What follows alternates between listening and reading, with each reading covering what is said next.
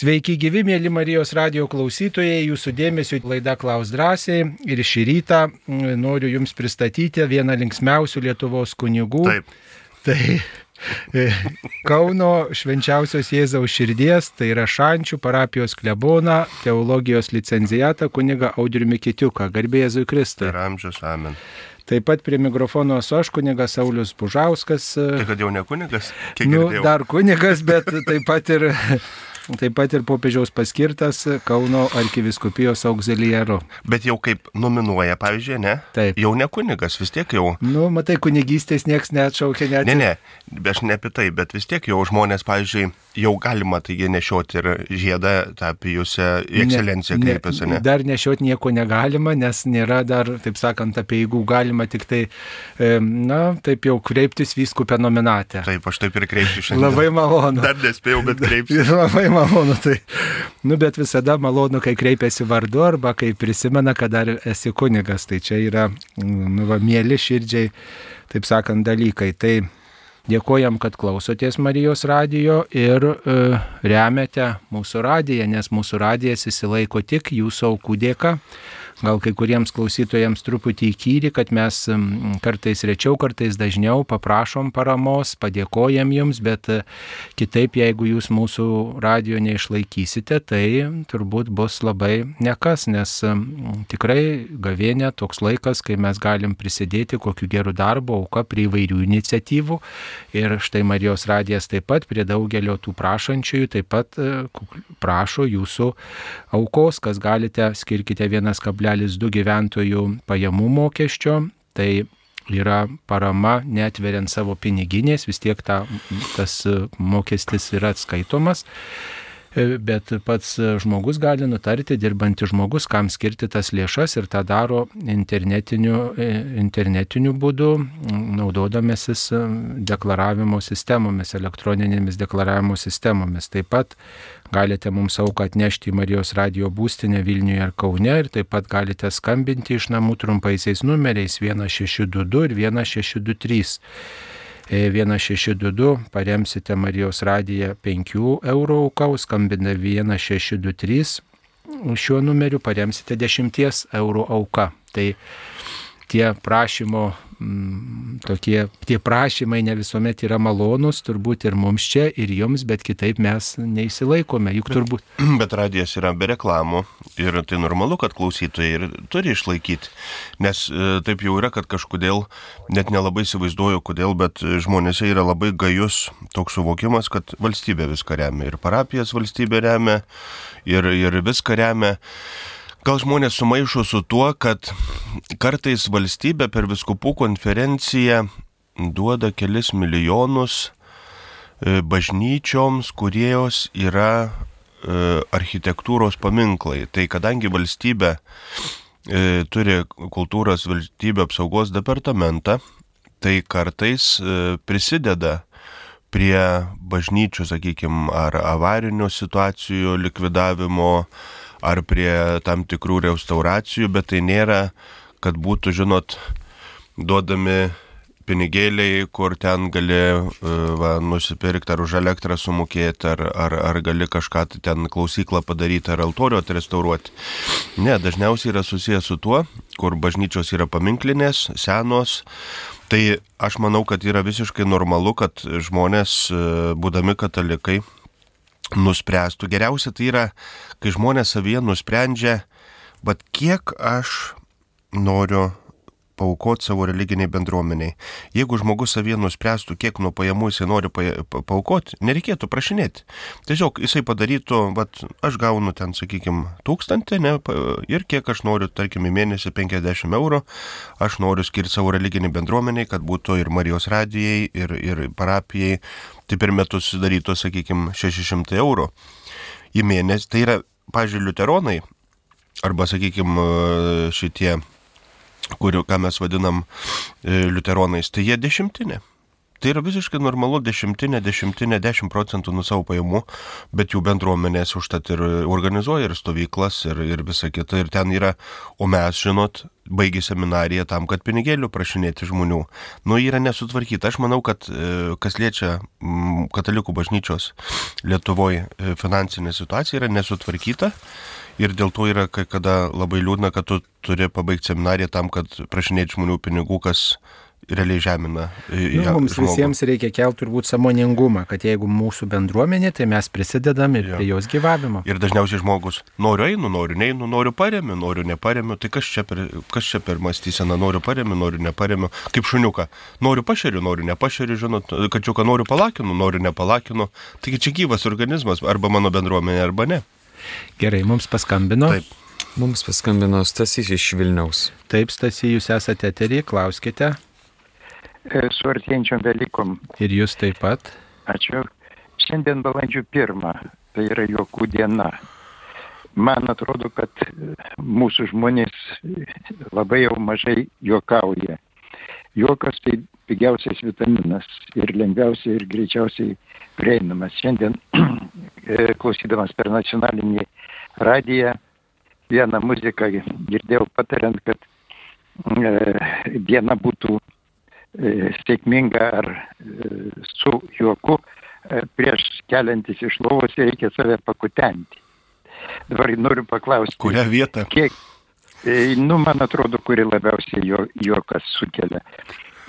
Kiek juokiasi, kiek juokauja kunigai, mūsų, kad ir konkrečiai jūs abu diskupai, popiežius, kiek juokauja šventieji Kristus. Va, koks įdomus klausimas. Ačiū labai, kiek juokauja kunigai, popiežius ir Kristus. Kiek juokaujat, kunigai, praeida diena viena, kokia kita be juokų, kai neiškrečiat kokio pokšto ar ką nors nenusišypsot, nenusijokėt ar būna. Na, žinot, aš užaugau šeimoje, kur mama buvo labai, jau kaip sakyti, prie juoko, prie, prie tai aš manau, kad aš tą perėmiau ir kas yra įdomiausia, kad man, pažiūrėjau, padaryti juoką, man nereikia jokių pastangų. Man tiesiog, va, nu, aš iš bet ko galiu, tarkim, ir dažnai turiu stabdyti save, nes žmonės ypatingai bažnytinė aplinkoje tai nesupranta juokų. Ir, pažiūrėjau, kai paskiria mane į kokią nors parapiją, tai iš pradžių žmonėm papasakoju kokį juoką, tai žiūri tokie, žinai, nustebę, kas čia dabar, ar tik, nu, iš vis žmonės pasimeta. Vat, ir, ir dabar kalbėjimo apie aukas, ne? Ir yra toks anegdotas, pavyzdžiui. Yra daug gražių tokių bažnytinių anegdotų, kurie, ir kai kunigas ateina, kunigas ateina parapiečiam ir sako, turim gerą žinę, turim gerą žinę, sako, mes turim, mes turim pinigų bažnyčios remontui. Sako, mes turim pinigų bažnyčios remontui, yra gera žinia. O bloga žinia, sako, yra ta, kad tie pinigai dar pas jūs. Jūsų kišenėse. Jūsų kišenėse, žinot, arba ten, pažiūrėjau, kunigas e, kalėdų piemenėlių mišios, kaip būna, ne? Vienas kunigas sako, jūs, kai darysiu rinkliavą, sako, nemeskit geležinių, nes jie skambės ir kūdikėlė Jėzų pažadins, tai geriau poperi... tyliai, tyliai popieriniais meskit, kad kūdikėlė Jėzaus nepažadintų. Tai žinot, ir kažkaip jeigu taip man sakytų, vat, papasakok anegdotą, ne, aš neatsiminčiau, bet man, va, de, detalė kokia nors, uh, situacija, žodis raktinis, ir man iš karto atsiranda, aš galiu papasakot, bet jeigu taip nei šio, nei iš to sakytų, vat, papasakok anegdotą, būtų tikrai sunku. Tai va, juokas yra mano gyvenimo dalis, kai kuriem atrodo, kad aš po to juoku kažką tai ten, žinot, slepiu, maskuoju vos ne arba dar kažkas, niekas nemaskuoju, man patinka juokauti, man patinka juokinti žmonės, man patinka, kai žmonės yra laisvi, kai žmonės yra neįsitempę. Ir man visada yra sunku, ir, pažiūrėjau, yra tokių kunigų, kurie nesupranta juokų, yra viskupų, kurie nesupranta, tikiuosi, jūs ekscelencija, kaip sakant, jau suprasit. Aš, aš atsimenu savo paskutinį juoką, vat, su, kai buvo kunigas Saulis ir paskui jau sužinojau, kad viskupas. tai buvo paskutinis, kaip aš paskui jam sakau, tai buvo paskutinis mano juokas pasakytas. Tai va, vienu žodžiu, aš manau, kad vis tiek nu, smagiau gyventi yra, kai žmonės juokauja, kai jie turi tą jausmą, Ir kaip pažiūrė, kaip vargsta tie žmonės, kaip vargsta, kurie, nu iš vis neturi humoro jausmo. Jie, jie ne tik, kad savo aplinkoje, jau nekalbant apie bažnytinę terpę, ne, kai ateina, Tai tokie žmonės kaip mušami, kaip uh, skriaudžiami.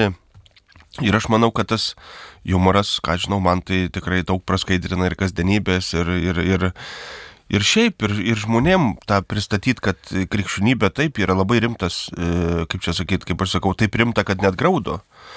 Bet uh, tai nereiškia, kad mes negalim, sakykime, būti linksmi žmonės. Ir čia mums pritrūksta tos vilties, linksmumo dovanos ir, ir, ir, ir, ir kai kada ypatingai jaunus žmonės, taigi labai sunku vien tik tai, žinot, nustačius rūškaną veidą ir, ir, ir vien tik tai, aš, aš, aš pažiūrėjau, man netrukdo sakykime, rimti dalykai, bet, pažiūrėk, kad didžioji savaitė bus, ne, rimti dalykai, kur juos priemi taip labai rimtai, bet visiškai netrukdo būti linksmam žmogui vien tik dėl to, kad esi katalikas. O kaip va klausė viskupai, ką žinau, va jūs galite atsakyti kaip viskupai, aš tai nebuvau viskupu, iš tai negalėčiau tai, pasakyti. Iš tiesų tai turbūt, nu, toks yra e, dviprasmiškas dalykas tie juokai. Sakykime, šventam rašte Kristus, aš atrodo tik vieną vietą prisimenu, kur parašyta, kad Kristus pradžiugo šventąją dvasę. Taip. Tai jeigu jis buvo toks pat kaip ir mes žmonės, žinom, va nesenai sekmadienį skaitėm, kad jis verkė, pravirko bent tris kartus Jėzus paminėta. Tai jeigu jis verkė, tai tikriausiai ir šipsojosi mažų mažiausiai. Va. Aš taip, pažiūrėjau, kai skaitau va, tas evangelijas, man tai žinau, kad taip gera, kad kaip Jėzus, kaip Dievas priemė žmogaus kūną, kaip mylėjo kūną. Vat mylėjau, vat, pažiūrėjau, kad ir sodė, Getsemanėse, ne tėvė, te praeina ta taurė, ne. Tai yra nu Jėzus susitapatina, kai daugelis galvoja, kad jam buvo labai lengva, nes jisai Dievas, tarsi kūnas kaip apsivilkęs kokį bušlatą, žinai, ir, ir viskas. Ne, ir tu pažiūri, kad visa savo esybė jisai myli kūną, priima jį kaip žmogų. Tai va, ir tas labai sukrečia, kai tu pamatai, kai Dievas kūną jis nei kiek nemažiau myli negu mes patys, ne savo kūną, kur, kur irgi, e, tai aš net nebejoju, kad Jėzus ir ką paštalai nejokavo, nu, tai nu, nu, tada... Taip, tada mažų mažiausiai nusišypsodavo, tai, tai mažų mažiausiai. Nu, aš tai nemanau, jie ir užsikvatodavo ir nusišypsodavo. Taip, kaip ir visi žmonės visais nes, laikais. Nes jeigu taip, tai Dievas nebūtų žmogui sukūręs uh, emocijos tokios kaip taip. linksmumas. Tai čia yra geras anegdotas, kad Dievas aštuntą dieną kūrė humorą, bet ne visi jo įdalyvavo. Kiti jau ilsėjosi, ne? E, tai, e, nu, bet kitas dalykas dar yra toks, kad, e, nu, va, ta tokia istorinė patirtis skirtinga. Turbūt žinom, kad žmonės, kai išgyvena kažkokius sukrėtimus, jie gal mažiau jokauja, mažiau šypsosi, kai yra sukrėsti ar ten kažkokie sunkus išgyvenimai, tai tada ne iki juokų. Ne, tai ir, va, ir, ir galbūt vat, įvairiais istoriniais laikotarpiais panašiai ir buvo. O tarp kitko, man atrodo, paštalo Pauliaus laiškuose yra tokia eilutė, kuri kartais mane suglumina, kad sako, krikščionių netinka juokų krėtimas, paukštų krėtimas. Tai va kartais pagalvoju, nu, juokauju. Nu, man atrodo, paštalas Paulius, tiksliai dabar ne, ne, mm, nesurasiu tos vietos, bet Bet reiškia, nu tai kartais pagalvoju, gal kartais reikia saiko tokio turėti, ypatingai kai žmonės nesupranta, va kaip sakot, man irgi kartais tenka, pavyzdžiui, kažkokio auditorijoje pasakyti anegdotą ir labai rizikuoji, ar tu jį papasakosi tinkamai, ar jį supras. Ir kartais yra pats didžiausias, kaip sakoma, pralaimėjimas arba tokia gėda, kai tu pasakai ir turi juoktis ir niekas nesijuokia. Tai galvoju, geriau būčiau nesakęs.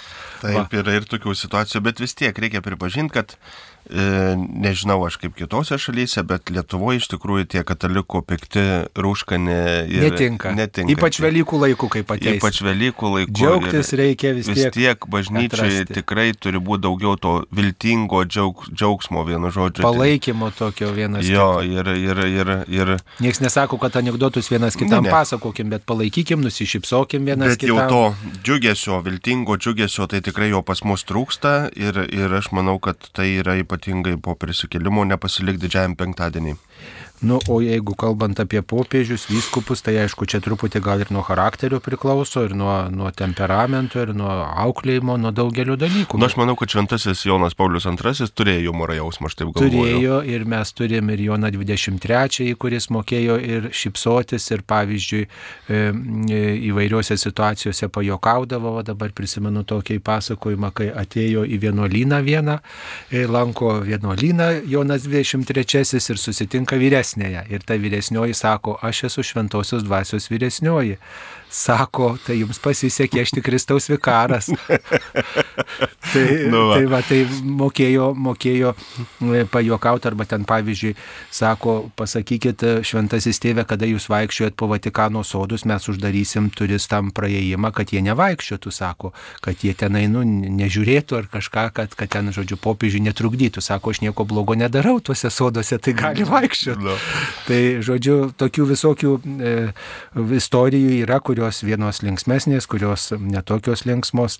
Pavyzdžiui, Jonas Paulius II mm, atvažiavo į Japoniją ir atėjo prie mikrofono ir dabar jau pasisveikino, žodžiu, kažką pasakė į mikrofoną, ar persižegnojo, neprisimenu, ir nesuveikė mikrofoną, nu tiesiog nesujungti. Ir jisai pusbalsiu gi- gimtają lenkų kalbą sako sekretoriui Dzivišui, sako, matai, Japonija technika, o pavedė, sako, ir tas viskas ištransliuojama. Tai, nu, va, irgi toks humoras, bet išeina toks, va, kaip Taip. ir e, tokia kuriozinė situacija, bet jinai tokia, nu, linksmai nuskamba. Taip. Tai, mm, tai tokių yra, o, o šiaip pavyzdžiui, e, e, šventasis Jonas Paulius I, vadinamas besišypsantis popiežius, kuris vat, galbūt net ir pralaužė tą tokią rūščiojo popiežiaus tradiciją, kai jisai nusišypsaudavo spontaniškai ir nusijuokdavo. Aš manau, kad reikia mokėti ir iš savęs pasijuokti, ir Tai iš savo... čia yra labai sveikas ir, ir, požiūris. ir iš savo situacijos kartais ir visa kita, nes jeigu ne, tai labai ribotai, va, pavyzdžiui, kai tam, kaip tas anegdotas, kai- šventoji dvasia sako, aš tai labai norėčiau Vatikaną, nes niekada nesu ten buvus. Taip, nu, bet jeigu, pavyzdžiui, Vatikano darbuotojas gali ir įsižeisti, reiškia kitą. tai jūs jau kaip suprantu Vatikaną, jau kol kas. Jau pasą turėsit, tai aš dabar ir pasakoju, dar kol neturit e, Vatikano pasą, jau kai turėsit, tai jau nepasakosiu. Nu, va, tai, tai yra tokių situacijų ir be to humoras kartais išsklaido įtampą. Išsklaido įtampą, kai ta įtampa susikaupia tokiuose Arba nejaukia tyla kokia nors, Taip. va, tą tokią. Nu, va, prisimenu, nežinau, gal jau ir pasakojau per Marijos radiją, bet pamoksluose tikrai esu sakęs, kai vienoje Zakristijoje atėjo tokia keista moteris ir, žinot, tiek ten pasakoja, kad, žodžiu, čia kunigai turi kreiptis, ten į valdžią, tą sakyti, tą sakyti, žodžiu, tvarką daryti, viską, nu, tokius sprendimus uh, siūlo, kur tikrai ne kunigo, kaip sakant, kompetencijoje, kur jau pranoksta kunigo kompetencija, valdyti valstybę, Taip. Seimo narius išvaikyti, ant prezidentui nurodiniai, dar kažkam, žodžiu, kur, kur tikrai dirbkim kiekvieną savo darbą. Ir taip piktai sako, kad, nu, tikrai toks konfliktas jau bręsta ir kunigai, nu, įpyko. Ir aš kaip tik tai tuo momentu ateinu į Zakristiją ir jie į mane sužiūri maždaug, tai vad, matai, kokią keistuolę turi maždaug, tu čia ją irgi padėk sudoroti kažkaip. vietą, į vietą. Į vietą pastatyti. Nu, aš nežinau nei apie ką čia kalba, nieko, aš pažiūrėjau tą moterį su tokiu smėlio spalvos paltu ir sakau, koks gražus jūsų paltas. Ir jinai nusijokė, ta moteris apsisuko ir išėjo. Vat galvoju, kaip kartais, nu, sakinys nei viens, nei du, Taip, galbūt, bet va toks tarsi ir linksmas, nu aš pasižiūrėjau, gražus paltas, galvoju, ką sakysiu, tikrai gražus paltas. Ir, ir nu, bet padėjo tą situaciją tiesiog įspręsti, bet, nu, ne visada tai pavyksta ir kartais ir mes to humoro nesuprantam ir kartais... e, Arba kitą kartą tikrai, va, kaip sakot, galvoju, geriau nesakyti, nu, ta prasme, nu, jau, jau prašoviau vienu žodžiu. Prašau, ir gėda tokia būna ir Jo, viską, bet, bet tada... Gaila, kad žmonės ne visada irgi pagalvoja, ai, kunigėlis pasakė, paskui pats gailėsis, bet visada paima labai už gryną, už gryną pinigą, kaip sakant, bet merijus radio klausytojų, nepaisant to, kad šiandien balandžio pirmą gal pereinam prie rimtų klausimų. Taip, prie rimtų pereinam. Gal bet yra kokių Dar vienas vie- dalykas, kur apie Dievą? yra, bet dar vienas dalykas, ką apie humorą reikia pasakyti, e, žinote, kunigė iš tarybinių laikų atsimenu tokį pat, tokį, tokią patarlę, kad humoras dalykas rimtas, Taip. kad ir linksma, bet reikia labai atsakingai žiūrėti, kad neįskaudintum, rimta. Nepažemintum kito. Tai va.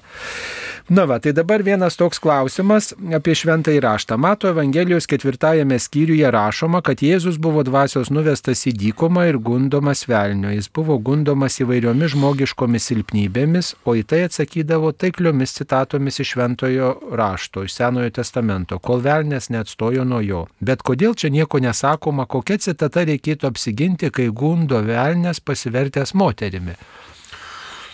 Nu, aš manau, gal čia nelabai tiksliai, kad čia velnės pasivertęs moterimi, tai žinot, kažkaip tai ne, nereikėtų, aš, nors mano kartais juokai yra tokie, kaip čia pasakyti, antifeministiniai, bet vien tik dėl to, kad aš vyras, bet ne dėl to, kad aš ten jaučiau kažką, kokį priešiškumą moterim, bet Iš tikrųjų yra tas atėjęs iš tokio patriarchalinio mąstymo, kad e, moteris ten, žinot, ir, e, ar kažkoks tai blogis, ar... Aš manau, moteris yra tokia, kokia turi būti moteris ir, pažiūrėjau, mama, ne? Jeigu moteris neturėtų daug savybių, galėtų būti mama, kartais ir gudrumo reikia. Aišku, kai tą gudrumą pradeda naudoti, sakykime, mes daug dalykų turim gerų, bet galim panaudoti netinkamai, ne? Sakykime, lyt, žmogus savo lėtiškumą, pavyzdžiui, gali panaudoti netinkamai, savo gudrumą, savo ir išminti, ir, ir išminti gali žmogus panaudoti netinkamai.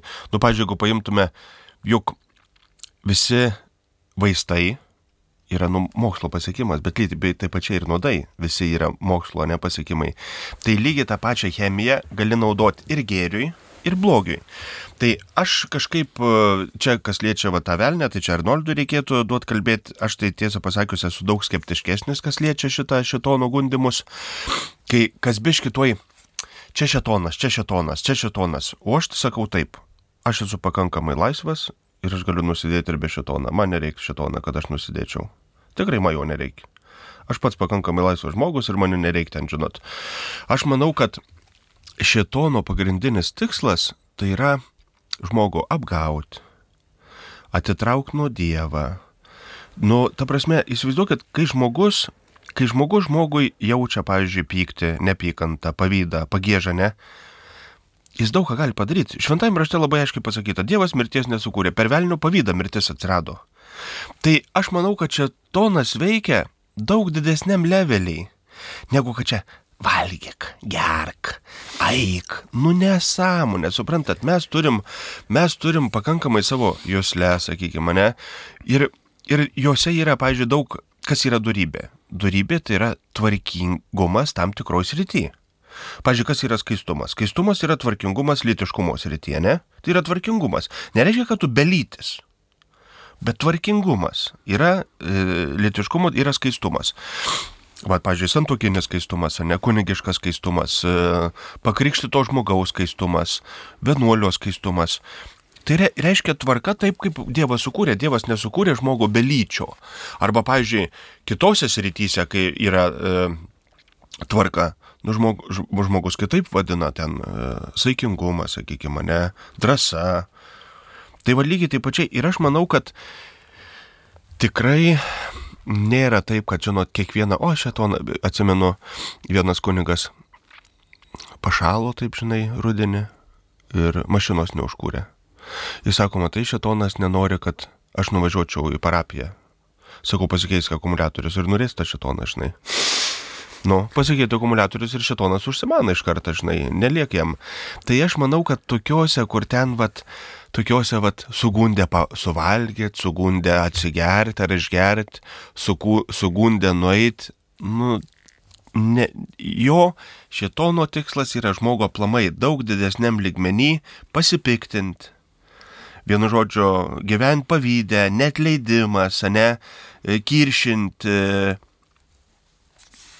nu, aš nesusakau iki tiek teologas, kad čia galėčiau pasakot, koks yra šetonas, bet aš savo gyvenime esu patyręs, kad jis veikia daug didesniam leveliai, tai reiškia tave iš vis atitolint nuo Dievo, e, visą kitą. O tokiuose smulkiuose aš esu pakankamai laisvas, man nereikia šetoną, aš pats puikiai moku nusidėti ir man jo visai pagalbas nereikia.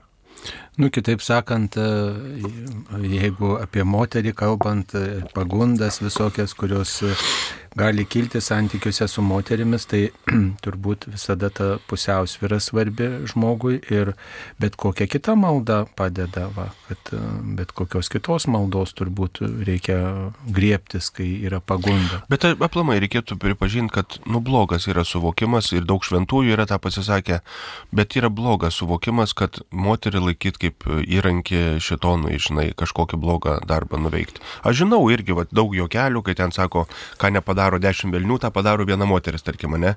Nu, bet netinkamas čia yra. Čia yra toks iš, iš praeities toks patriarchalinis. Jeigu mes taip galvotume, tai ką kalbėti apie motinystę, sakykime, ne, kilno moters pašaukimą būti vaisinga, duoti gyvybę pasaulyje, ne. Juk pažiūrėkit, ką moteris išdarinėja. Ligonius, kas slauga? Ne vyrai, o moteris. Tai žinai, va tas, ką, ką daugelis gali pavadinti, kad čia, jeigu tu, kaip sakant, savo daikto nenulaikai, tai nereiškia, kad moteris kalta dėl to. O kai tu gali ligonį, paimkim visas ligoninės, kas laugytojos? Nu, aterasi vyrą. Tai ten nepasakysi, kad šitoną gundytoje, žinai, užpakalį šluostą pampersus keičia, žinai, ir visa kita. Tai jeigu taip galvoji, tai eik to šuduką pavalyti, vienu žodžiu, ligonė mėnesį ir suprasi, kas čia tada, žinai, įrankė šetono. Nu, bet, žinot, reikia pripažinti ir tokį dalyką, kad piktasis jisai pasinaudoja įvairiausiomis situacijomis ir kartais ir smulkmenuose, ir stambiuose dalykuose jisai gali žmogų suvedžioti. Tai tiesiog reikia turbūt būdėti, būdėti visuomet ir neprarasti ir sveiko proto. Jo, bet vis tiek tikėjimą. vienas kito kaltinti kaip šitono įrankiu, tai irgi, žinot, tada. Nereikia, tai. Čia, čia susipikai su viskupu ir sakai, va, čia šitoną įrankis vienu žodžiu čia, ne? O, kaip sakant, mes kada suspyksime, ne? O gal visko pasakyti, čia šetono įrankis. Tai va, aš sakysiu, o Bužauskas šetono įrankis, vienu žodžiu, manęs nesupranta, vienu žodžiu, nemyli, nesikalba.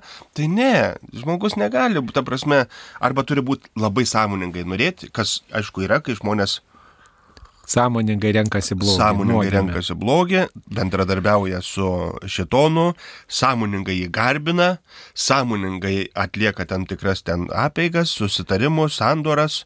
Taip, tada sutinku. Bet matai, prie to prieinama pamažu tikriausiai irgi, va, tai per abejingumą, per nutolimą, per tokį va, vieno kitą tokį... Jo, bet jeigu paimtume gimtąją nuodėmę, ne, abu nusidėjo. E, Jėva nusidėjo savo aktyvumu, o Adomas pasivumu žinai, Adomas stovėjo šalia ir nieko nepasakė, žinai. Paskui... Jūs sakyt, neim, ką darai? Nu, mes... motin, motin, kad nematyčiau čia, kad čia kalbėt su tuo žalčiu, ne? Ne, stovėjo ir tylėjo vienu žodžiu, įdomu buvo, ne? Tai va, Adomas nusideda tylėjimu vienu žodžiu, o, o, o Jėva kalbėjimu. Tai va, ir čia yra iš to išplaukia labai geras, jeigu žmogus nori savo gyvenime nedaryti blogio, tai mano patarimas iš vis nereikia pradėti su juo flirtuoti. Pavyzdžiui, jeigu tik iš pradžių, nu pažiūrėsiu. Truputėlį. Nu, trup, viskas. Visi taip. Va čia lygiai taip pačiai Jėvos, e, sakykime, istorija, ne, kad užkalbinu. Ko to ir reikėjo. Jeigu Jėva būtų sakęs, aš nenoriu kalbėti, vienu žodžiu, aš turiu Dievą, aš turiu domą, čia aš nekalbu, ne, čia yra gimtoji nuodėmė, ta flirtas. Jeigu nori išvengti blogio, net neflirtuok. Su bet kuo, net neik. Nu, pažiūrėk, vėl, kai žmogus mes žinom, kad penktadienis pasnikas, ne? Nu, paragausiu. Nu, kam čia ragauti? Ką, nežinai, skonė ten, mėsos, žuvie, tą kotletą ar... Daugiau druskos, mažiau, kas ten? Nu, paragausiu. Nu, ir tada, oi, čia saldumynų, ką, nežinai, skonė. Tai va, nereik flirtuoti, nereik, nereik, nereik iš vis, nes jeigu, nu, arba tik vieną kartą. O ką paskui su tą patirtim darysi? Jau turėsi tą patirtį, ne? Viskas, kai kiti ten dėl įdomumo parūkysiu žulės ten tavos narkotinės, ne? O ką paskui su tuo darysi? Daug yra smagiau gyventi, kai neturi tos patirties. Kai žmonės sako, gyvenam vieną kartą, viską reikia pabandyti. Ne, nes kiekviena patirtis paskui užima mano gyvenimo tam jausmų dalį, užima minčių. Ir ką man reikia tos patirties, ką man jos reikia. Šiandien galiu pasakyti, šventai gyventi tiek kunigam, tiek vienuoliam, tiek vienuoliam yra daug lengviau, kurie neturi daug patirčių. Neturi, sakykime, visokių seksualinių patirčių, net visą kitą, tiem daug lengviau yra būti skaistiem. Tai kam reiktų patirčių, kai tu čia viską turi pamėgyti? Nu nesąmonė. Žmogui ypatingai blogų patirčių, kuo jų mažiau, tuo tu laisvesnis. Ir nereikia čia viską išbandyti, kad tu paskui ką su tuo darysi. Viskas, tai yra Taip. tavo patirtis. Tai labai gera mintis, kad užima tavo gyvenimo dalį. Taip. Psichologiškai, dvasiškai, fiziškai. O, o šiaip tai čia dvasinės... Mintis, jausmai, prisiminimai, nu, Taip. užima tavo dalį. Čia dvasinės teologijos dėsnis, neįti nuodėmę su... Neflirtuoti su blogio visiškai. Taip, dar viena žinutė yra apie turtingus kunigus. Ar turtingi kunigai materialiai prisideda prie Marijos radijo išlaikymo? Tai prisideda ne tik tai turtingi kunigai, bet ir neturtingi. Matot, mes, e, kaip sakant, nelendami kunigo piniginė, kiek jis ten turi, kiek ten ką, kiekvienas prisideda, kiek mato. Bet iš tikrųjų, nu, vėl labai įdomus suvokimas turtingi kunigai, pavyzdžiui, ne? Jeigu kunigas dirba 20-30 metų ir jisai nu kažką gali, kad ir geresnė mašina, ne? Tai nėra turtingumas, tai nėra milijonas sąskaitas bankė. Žmonės, kiek turi, va, pažiūrėjau, kiek mano aplinkoje žmonių namą turi Kaune, vasarinami kažkur, būta palangoj, Ispanijoje apartamentus kažkokius, ne? Tai čia yra turtingi. O jeigu tu nusipirkai mašiną už 30 ar 40 tūkstančių, ne? Leasingu. Nu ir dar leasingu, tai čia nėra turtingumas. Va tas, suprantat, aišku, kunigas, sakykime, labai greit ant kunigo sutanos matos, mato, sakykime, bet aš taip, pažiūrėjau, savo aplinko, aš nepažįstu turtingų kunigų. Taip, gyvena, nereikia ten, žinot, e, turi už ką kurą užsipilti, ar ten valgo, sakykime, ne vien tik lašinius, ne bet gali, sakykime, bet kad ką vadina va turtingais, bet aš manau, kad tikrai yra daug kunigų, kurie turi savo sričių ir tai vieni tai vargšus, kiti tai kažkokią šeimą, tai dar kažkas. Ir, ir manau, kad tikrai, tikrai kunigai e, randa tų terpių. Žiūrėkit, kiek kunigų prisidėjo, kai Šiluvos dvasinį centrą statė. Tikrai daug kunigų paukojo savo pinigėlių. Ir Marijos radijų galbūt, plus kai kurie kunigai va palieka e, testamento, sakykime, ne. O mano testamentas bus, tai kadangi sveiko proto buvau, tai pinigus išleidau pats. Gerai, taip ir žinosim. Dar gal sutaupysit, klausykit kažką. Taip, mums paskambino. Mums paskambino iš Kauno Algis. Taip, algi klauskite. Šiandien per Europos radiją apžvilgininkas pasakė, kad 93 procentai žmonių neapkenčia Dievo. Būkite malonus, paaiškinkite. Taip, a- ačiū labai. Aš jums pasakysiu taip, iš tikrųjų, e, daugelis žmonių aplamai labai būna nemaloni situacija, kai žmonės, pavyzdžiui, per, nu, dėl laidotų ateina pas kunigą, ne, ir jie jau pikti, kad jie turėjo ateiti. Nes jie neturi drąsos nesilaikytų tradicijų, kad laidot be bažnyčios, ne? Ir jie ateina jau pikti, kad reikia ateiti. Ir jie pikti, nepatenkinti. Ir...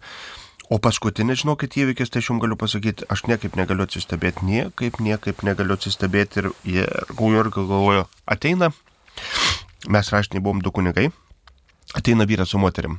Sako, mums reikia leidimo toks iš parapijos ribų. Ir dar kažką pajaukavom, sakau, gerai, ateikit, rytoj bus išrašyta. Nu ir vėl išrašė tą referentę tą leidimą toks iš parapijos ribų, ateina sekančią dieną tas virukas, aš paduodu tą pažymą ir jisai sako, ar čia reikia kažkiek mokėti. Sakau, mokėti nereikia, bet auka tai galit prisidėti prie kanceliarinių išlaidų, referentės darbo. Ir žinai, tai kiek čia reikia? Ir aš jam sakau, čia nieko nereikia, bet sakau, auka gražu, jeigu žmonės, atsiprašau, prisideda. Tai jis toks piktas, įtraukė 20 eurų, kai metė ant stalą. Metė, tikrai, tai žodžiu, prasme, metė ir išėjo. Ir aš galvoju, nu niekaip nesuprantu. Vat, iš kur tas pyktis, ne? Ir tikrai būna, žmonės ateina, žiūrėkit, jeigu būna, nu, kažkur papuoliai nepažįstamų žmonių aplinką, sakykime, irgi daug iš, ankst, iš anksto nusistačius prieš tave kaip kuniga. Vat ateina, matus, jie nusistatė, tu jiem esi pedofilas, e, viskas, viskas viename. Jie vat kaip ant to, viskas, kas jame yra neigiama ant tave, sukrauna ir jie vat turi tokį. O kiti, vat, pažiūrėjau, va, dabar buvau čia prieš keletą dienų, trečiadienį turbūt, va, draugai pakvietė į Žalgirio areną, žaidė krepšinį. Ir buvo nepažįstamų žmonių. Vienas virukas sako, kaip man įdomu pabendrauti su kunigu ir tą klausė, ir tą klausė, ir tą klausė. Jis neturėjo iš ankstinės nuostatos, ne? Kiti žmonės turi ypatingai iš ankstinę nuostatą ir jiem viskas, kas susijęs su bažnyčia, su kunigais, tai yra tamsybininkai, atsilikėliai, vienu žodžiu, neverti dėmesio ir, ir, ir pagėžą, panieką ir visa kita. Ir tą padaro propaganda. Aš manau, kad nuoširdžiai pasakysiu, kad tarybiniais laikais nebuvo tokia gudri propaganda, propaganda kaip dabar. Nebuvo tokia. Tiesiog, kaip čia tą propagandą šiandien būtų galima pavadinti, tokia, nu, išmani tai išmani, bet yra kitas žodis, tokia daug geriau pateikta, įtikinamiau. Vienu žodžiu, jeigu tarybiniais laikais taip sakė taip, kaip buvo sunku patikėti. O dabar sako taip, kad lengva yra patikėti. Paveiki, paveiki. Jo, gal netiek daug to melo, sakykime, dalis labai mažai to melo, bet jinai tą nustato prieš kunigus, prieš, prieš vienuolius, sakykime, prieš pašaukimą patį. Žiūrėkit, kiek tikinčių žmonių, ne? Sakė, aš tai ne už ką neleisčiau, kad mano vaikas būtų kunigas ar ten vienuolė. Ir tikinti žmonės, kurie kas sekmanį eina į bažnyčią, tai jūs įsivaizduokit, ką padaro propaganda. Čia tas pasakymas sako, tavo kunigas yra kažkieno sunus. Ar nenorėtum, kad tavo sunus būtų kažkieno kunigas? Tai žinot, visi nori kunigą turėti, bet niekas nenori, kad jo sunus būtų kunigas, ne? Bet kuniga ir kaip parapija ten aptarnaujama, oi, ten mes neturim kunigą, tai kodėl tavo sunus nėra kunigas? Tai žinot, ir čia pašaukimai nėra taip, kad jau yra arba nėra. Tiesiog pašaukimai kaip grūdas nukritęs ant asfalto, jisai neturi galimybių skleistis šeimoje, mokykloje, visuomeniai, jis nukrenta ant kelio tas pašaukimas ir jį sudaužo visi. Sudaužo tėvai, sudaužo draugai, sudaužo mokytojai, sudaužo visi ir žmogus tiesiog nedrįsta atsiliepti Dievui dėl to, kad ir, pažiūrėjau, jeigu paimtume Lenkiją, dėl ko ten yra pašaukimo? Dėl to, kad ten visuomenė tokia. Kad ten dar tapt kunigu yra, ir tai jau viskas baigės, kaip sakant, jau Lenkų pašaukimą, ne vėl jie irgi neišlaikė tos sekularizacijos.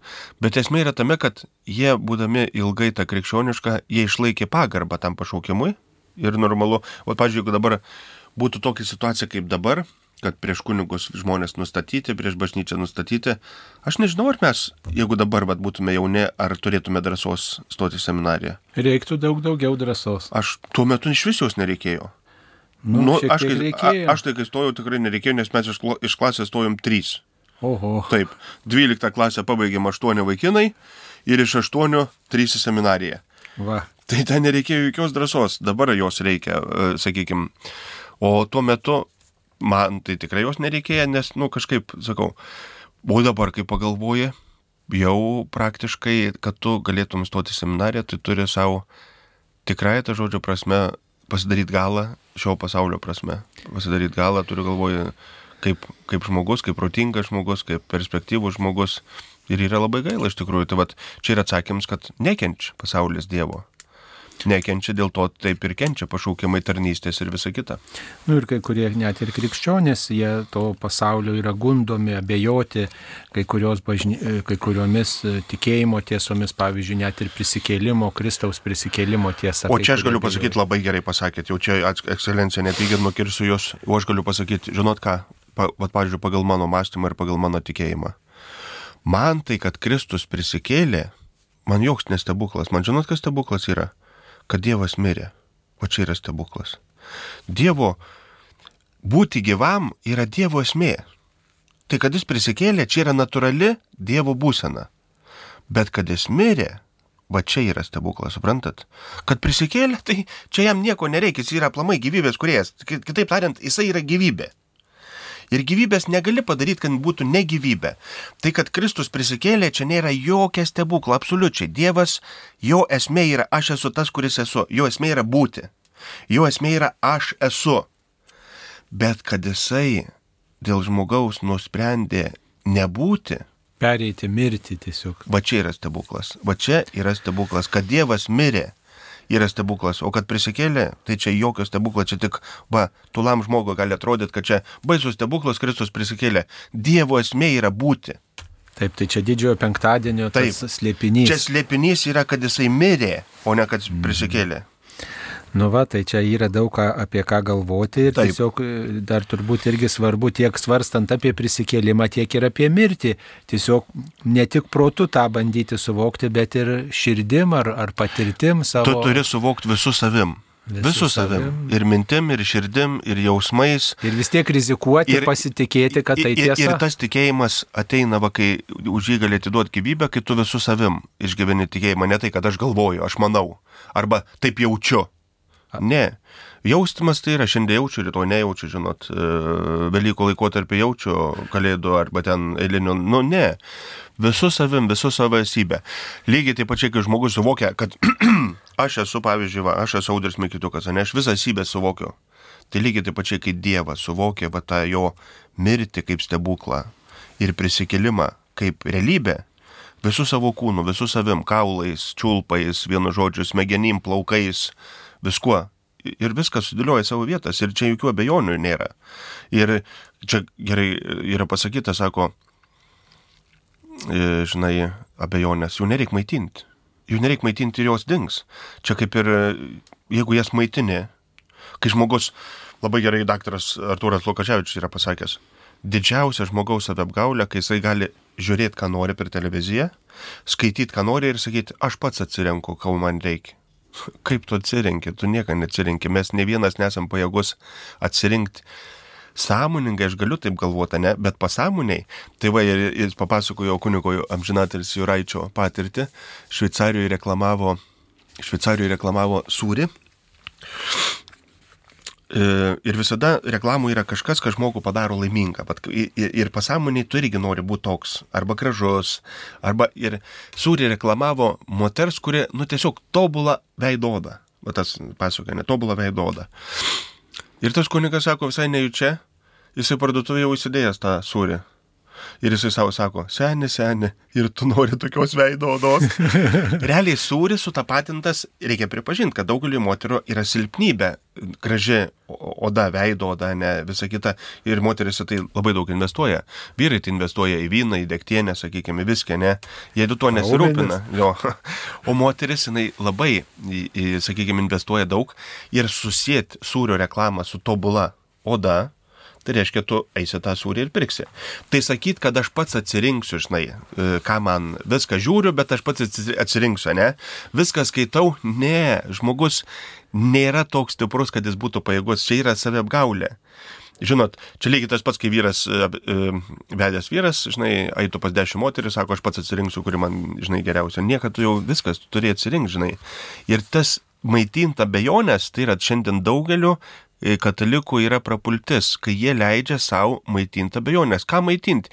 Jeigu aš tapau kataliku, tai aš turiu viską padaryti, kad glaustis prie tikėjimo, o ne prie abejonių. Ką man jų reikia? Pavyzdžiui, aš dabar, jeigu kaip kunigas pradėčiau skaityti, ten, tarkim, antikatalikiškas knygas, ne, gal ir man sukeltų abejonių.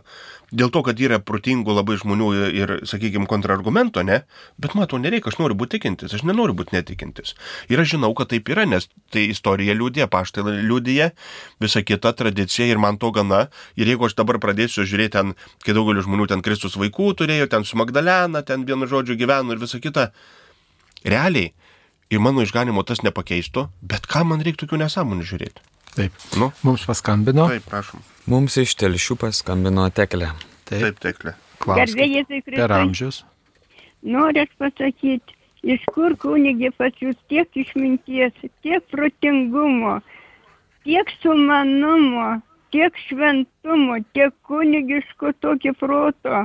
Nu, nu, sunku protui suvokti, kad šitokių kunigų mes turim. Ačiū Jums, ačiū Jums, kad Jūs nuteikėt šitaip, kad tiesiog negalite traukti nuo radijo. Ačiū Jums, ačiū Jums. Dabar noriu pasakyti dar vieną dalyką. Kada, kada mums, reiškia, nujėmė Dievo stalus bažnyčiose, Taip, tai padarė bažnyčia tikra klaida, tikrai tvirtinu. taip, aš irgi labai pykstu dėl to. Ir iš kunigų girdėjau, reiškia, to jau nustojo pašaukimo. Jau neliko pašaukimo. O čia šitą didį, didelį klaidą iš vakarų atėjusią tokį, kad stat- statėm ir iš ranką duoti komunijai. Dabar blogiausias yra, bažnyčiai skaičiau net šitą parašytą, blogiausias reiškia dalykas, kad reiškia nepagarbiai dalinam komuniją. Ir todėl neturim pašaukimų. Vat kaip gaila, kaip gaila. Dabar noriu dar pasakyti, man gyvenime atsitiko toks dalykas. Aš labai gerbiu kunigus. Labai, labai pamatau su tą nuotą žmogų arba moterį ir vienuolę. Aš pati ruošiausi jaunystėje tuoti vienuolės, bet neišėjau. Ir mane reiškia pakvietė mama, kunigo mama pas save. Sako, aš tau dovanosiu gėlę. Nu ir nuėjau. Nuėjau pas ją, suprantinai, tu jau paskambinu kažkam tai. Ir atėjo, tai atvažiavo kunigas, jūs tunus. Ir aš pasikėliau išeiti. Kada jau jis atėjo, nebenorėjo jokių kalbų, reiškia, yra būdų, jie suprant, sako, mes tave parvešime namus. Ir parvešime namus, tu tik tai niekur neik, mes ir nu, paėm viens už vienus rankas, kitus už kitus rankas, paėm, nuvedė savo mašiną, sako, važiuok į namus, sakau, aš einu bažnyčią. Sako, tu buvai rytą neik. Sakau, eisi į bažnyčią. Nu, nieko, parvežiu, suprant, man iki... ar- Močiutė, jeigu galit biški trumpiau, Ja, nes... ja, nu, jau, man, aš baigsiu. Artimiausias stotelis, sakau, man prašau išlipti. Aš išlipau iš mašinos ir nieko, nieko. Paskui ant rytoj sutikau motiną. Jinai, suprantate, ant manį šaukė, sako, kokia tu, sako, tu kitam kažkam pasitikė, reiškia, įsiti- nu, pa, pa, patikėjim, reiškia, pa, palikai, reiškia, su kitu. Aš pats, pa, man galva apsvaigu, sakau, ką tu kalbi, supyko, visą gyvenimą piktą buvau, kad aš su kunig nedraugavau. Motina, motina savo sūnų norėjo surasti tokį moterį, kur, reiškia, turėtų santykius. O, o reiškia, motinas melžiasi, kad už Taip, kunigai būtų skaistus, kad jie Ačiū, būtų. taip. Ačiū Jums, ačiū. Ačiū už istorijas. Tai tikrai gražu, kad Jūs klausotės Marijos radijo ir kad Jums rūpi bažnyčios ir tvarka, ir liturgija. Ir, mm, nu, žinot, jau tie stalai, Dievo stalai, kur nuimti, kai kur yra palikti, visokių turbūt yra istorijų. Vargu, ar čia būtų vien tik toji priežastis. Ne, čia visa plokštė yra, visa plokštė Taip. tų priežasčių, bet, pavyzdžiui, mučiutė labai gerai pasakė, vat, pavyzdžiui, kad, sako, vat, sutanuoti. Iš tikrųjų reikia pripažinti, kad, nu, aš manau, kad čia ir viskupai turėtų įsikišti, ne? Nu, kunigai daugiau turėtų kunigiškų ženklus nešioti. Ir, pavyzdžiui, kitą kartą pažiūriu, kad ir kunigų susirinkimą, ne, kunigai ateina treninguoti, žinai, su bliuskom, su maikiam, arba, pavyzdžiui, Va, mūsų, kad ir Liškevoj buvo kunigų ten trijų dienų paskaitos. Atvažiavo kunigas su džinsais, su maikė, su bliuska, vienu žodžiu, iš žvejybos kažkur. Nu, vis Tai matai, kunigų susirinkime, tai visi žinom, kad jie kunigai, bet ten, kur, kur Bet nežino. aplamai tas įpareigoja ir, pavyzdžiui, su sutana, ten dekanato kunigų susirinkimas su sutana, ne, kunigų susirinkimas ir aplamai į bažnyčią, pavyzdžiui. Aš, pavyzdžiui, labai džiaugiuosi, nežinau, kas man padarė įspūdį, bet, pavyzdžiui, aš žymiuosi, pavyzdžiui, buvau klebonu, visada apsirengiu sutaną ir iš klebonės eini į bažnyčią sutaną. Kad ne, ne su kokia, žinai, kelnikim ar bel kokiais bal- baltinukais, ne? Ir, pavyzdžiui, ir aš tą darysiu, kol numirsiu, man, nes, man tai, nes man tai buvo svarbu, kai aš buvau vaikas. Man tai buvo svarbu, va, ne? Ir gal dėl to ir man tas dabar svarbu, nes man buvo svarbu matyti kunigus su stanu, o ne- o ne belekaip. Ir, pavyzdžiui, man dabar labai gražu, kai kunigai būna. Ir aš manau, čia viskupai turi paraginti kunigus labiau atkreipdėmėsi į savo aprangas, sakykime, oficialias aprangas. Pavyzdžiui, dabar didysis ketvirtadienis bus, ne? Iš visų pakampius eis kunigiukai su kepurėm, su bumbalais, vienu žodžiu, ir salotiniam striukim, ne? Ir tu net nežinosi, čia kunigas eina, ne kunigas, savo salotiniam, žinai, striukim ir raudonais uh, batų raišteliais. Tai gal ten viskupas eina? Aš tai vietoj visko pasakyčiau, kas čia per tvarką. Kas čia per tvarką, sakyčiau, sūnau, baravykė, paskutinį kartą, kad aš tave taip matyčiau. Ir vienu žodžiu, baigiam bairius. Tai taip turi būti. Nes kas atsitinka visuomeniai, ką toleruoji, tas ir atsitinka. Ką toleruoji. Tai aš manau, kad tikrai, tikrai, čia daugeliu kunigų nepatiks, ką aš dabar kalbu, bet aš manau, kad mes kunigai vis tiek turim nebijotų sutanų ir, ir, ir, ir nebijot pasauliui liūdėti, nes tai yra labai svarbu. Tas pasauliui yra didelis dalykas. Čia, kaip Pranciškos kažkada sakė broliam, eisim, eisim pamokslauti. Nu ir užsidėjo abitus ir eina per miestelį vieną, nu ir pareja vėl vienuolyną. Tai broliai sako, tai kada pamokslausim? Sako, mes jau pamokslavom, o su abitais praėjom. Ir tai yra tikra tiesa, šventa tiesa. Nes tu, būdamas sutana, kažkur esi vis tiek prieštaravimo ženklas. Tu žmogui esi toks, kaip čia sakyti, malonus priekaištas, ir žmoguje visada kažkas sukirba. Jis gali tuo metu pažiūrėti tavi piktai, sakykime, ne, gal gali pažiūrėti kažkaip, bet viskas, kas turi vykti, jame įvyks. Kai tave pamato su sutana ar su abitu, viskas, kas jame turi įvykti, tas ir įvyks. Taip. Mūsų laida tiesioginė, galite skambinti telefonu 837-323230, taip pat siūsti trumpasias žinutės šiuo telefonu 865049106, trumpųjų žinučių telefono numeris 865049106. Ir turime štai tokią vieną žinutę apie gailestingumo vainikėlį. 15 val. kai kalbu gailestingumo vainikėlį, ar gaunu atlaidus, jei nekalbu kitų gailestingumo maldų. Atlaidai skiriami už gailestingumo vainikėlį tuo atveju, jeigu žmogus meldžiasi bažnyčioj arba koplyčioj, kur yra saugomas švenčiausiasis sakramentas. Vyksta adoracija arba švenčiausias sakramentas saugomas tabernakulyje. Ir vat, sukalba malda žmogus tą, kuri vadinama gailestingumo vainikėlio malda. Dabar per radiją, kai transliuojamas Marija 15 val. per Marijos radiją transliuojamas gailestingumo vainikėlis, tai atlaidai, gauna, atlaidai skiriami tiem žmonėms, kurie negali dalyvauti fiziškai, negali nueiti dėl sveikatos, dėl, dėl visokių kitų tokių rimtų svarių priežasčių, negali dalyvauti e, bažnyčioje, aplankyti bažnyčios, nueiti bažnyčią ar nuvažiuoti. E, yra, kaip sakant, sutrukdyti įvairiausių tokių nenugalimų kliučių. Tai tiem žmonėms yra skiriami atlaidai, jeigu jie kartu dalyvauja toj transliacijoje, kuri vyksta ar iš gailestingumo šventovės, ar iš kokios kitos bažnyčios. Ir tuo metu kalbamas, gėdamas gailestingumo vainikėlis, nes ten yra švenčiausio sakramento akivaizda. Visi kiti, kurie gali nueiti, taip įveikti tą kliūtį, nueiti, dalyvauti, nuvažiuoti, aplankyti švenčiausią sakramentą ir patys pasimelsti, tiems nesuteikiami visuotiniai atlaidai. Tai tą reikia skirti. Tai lygiai taip pat ir, ir ta, žinot, ir kiti tie pamaldumai. Mm, pavyzdžiui, ir mišių ta auka, kurios klausomės, sako, ar galioja ar negalioja. Tai jeigu tu gali nueiti, tai tau tai yra tik tai informacija, bet jeigu tu, tu negali nueiti, negali nuvažiuoti, nes dėl sveikatos, dėl amžiaus, tai tada ta Dievo pagalba tave labiau aplanko ir tu ją tada noriau priimi ir ta, tais Dievo malonės vaisiais labiau pasinaudoji. Taip. Taip. Tai dabar e, dar vienas klausimas apie išpažinti. Mm, kaip geriausiai pasiruošti susitaikinimo sakramentui? Nu visų pirmiausia, taikinimo sakramentas tai pats nuostabiausias e, tokio gyvenime pasikartojantis sakramentas, nes atgaila tai yra tai, ką žmogų prikelia. Reiškia, žmogus yra pajėgus atkurti santykius, bet atgaila paskui labai perina į žmogaus gyvenimą. Tada žmogus būna sąžiningas su savim. Jeigu žmogus tikrai nuoširdžiai švenčia atgailos sakramentą, tai jis yra sąžiningas su savim ir su kitais, ir šeimoje, ir darbe, ir su tokiais žmonėm yra labai labai lengva, kurie yra sąžiningi su savim.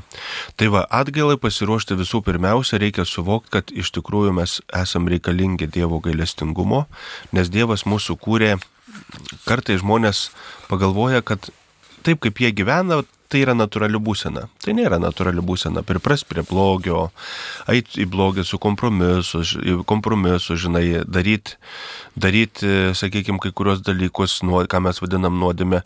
Yra labai gerai septynios, pat, septynios nuodėmės psichologų kabinete yra knyga.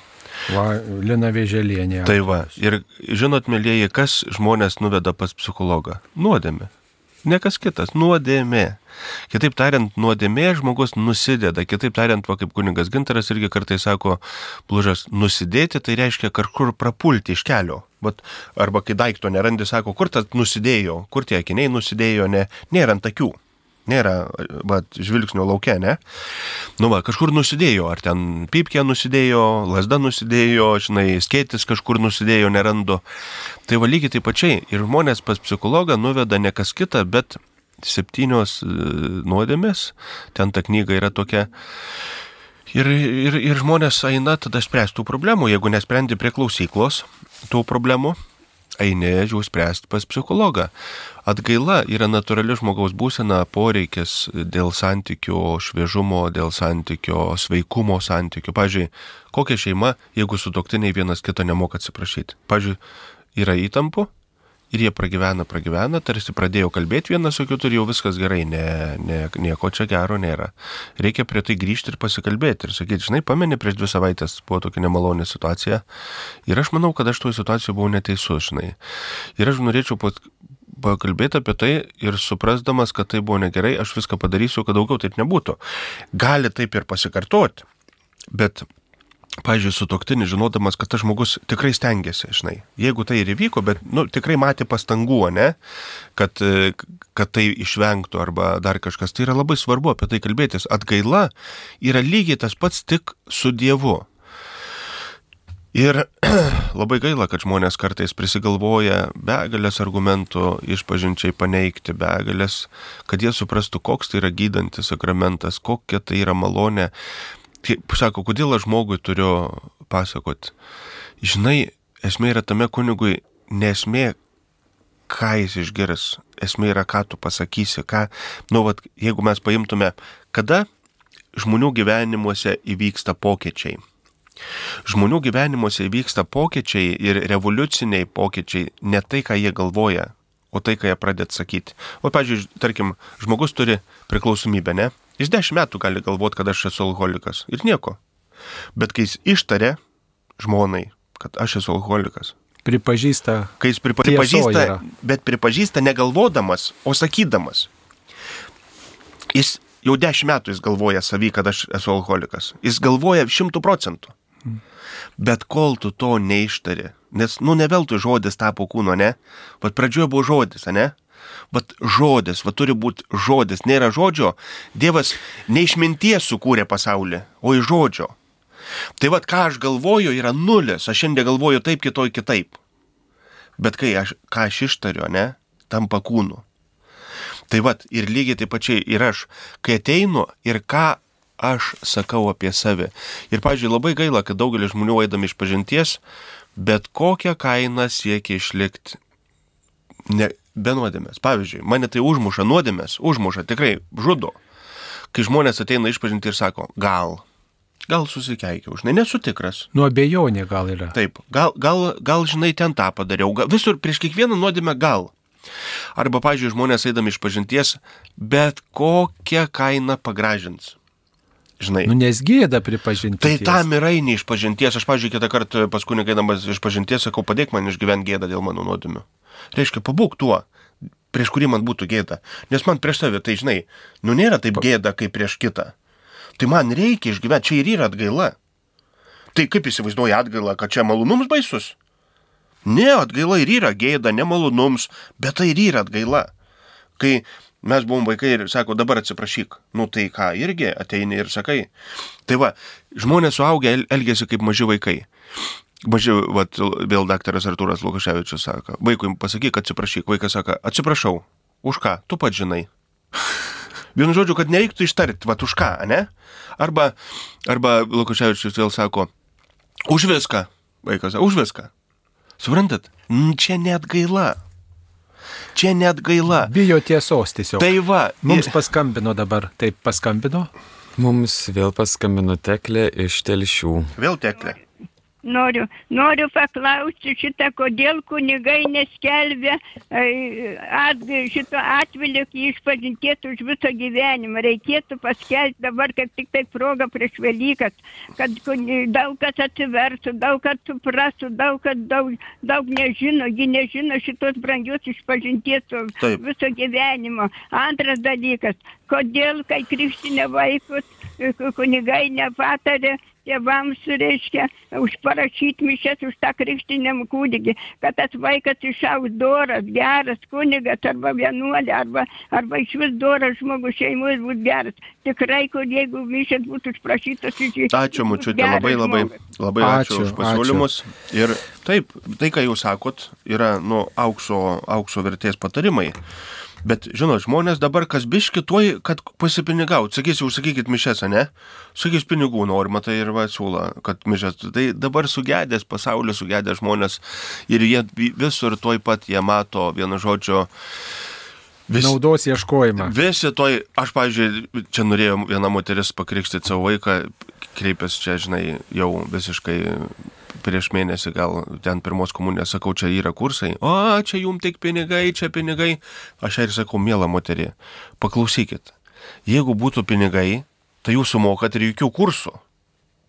O už kursus tai nereikia mokėti už tai, kad e, tu lankai, ne? Bet jau iš anksto nusistačius. Iš anksto nusistačius, vienu žodžiu, čia jums viskas, čia tik pinigai, tai aš jai sakau. Esmė yra tame, kad jeigu būtų pinigai, tai man, man tai, pažiūrėjau, dar geriau būtų, ne? Atėję kokius numetė, žinai, 2-300, tik tai pukšt per 20 minučių pakrikštai ir viskas, taigi čia nieka. Bet ne, tai yra kontrabanda, tai yra apga, apgauni žmogų, ne? Ir tu tame, jeigu tai pradedi elgtis per laiką, tu kaip kunigas save demoralizuoji. Ir paskui normalu, kad ateina nenoras būti kunigu ir iš tų, iš tų visokių kontrabandų. Nes paskui, nu, esmės nėra. Nes kada yra esmė?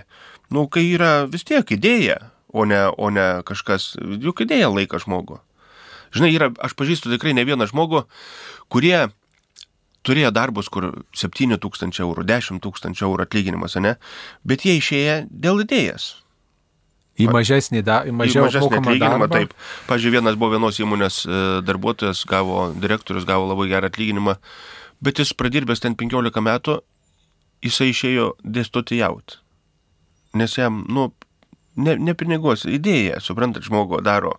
Nes taip, kurį laiką gal tie pinigai ir turi kažkokią tai, ver, nu, sakyti, įtaką, o paskui ne, idėja, ypatingai su metais ir jeigu kunigai išlaiko tą idėją, tai ta kunigystė tampa vis e, brangesnė ir brangesnė.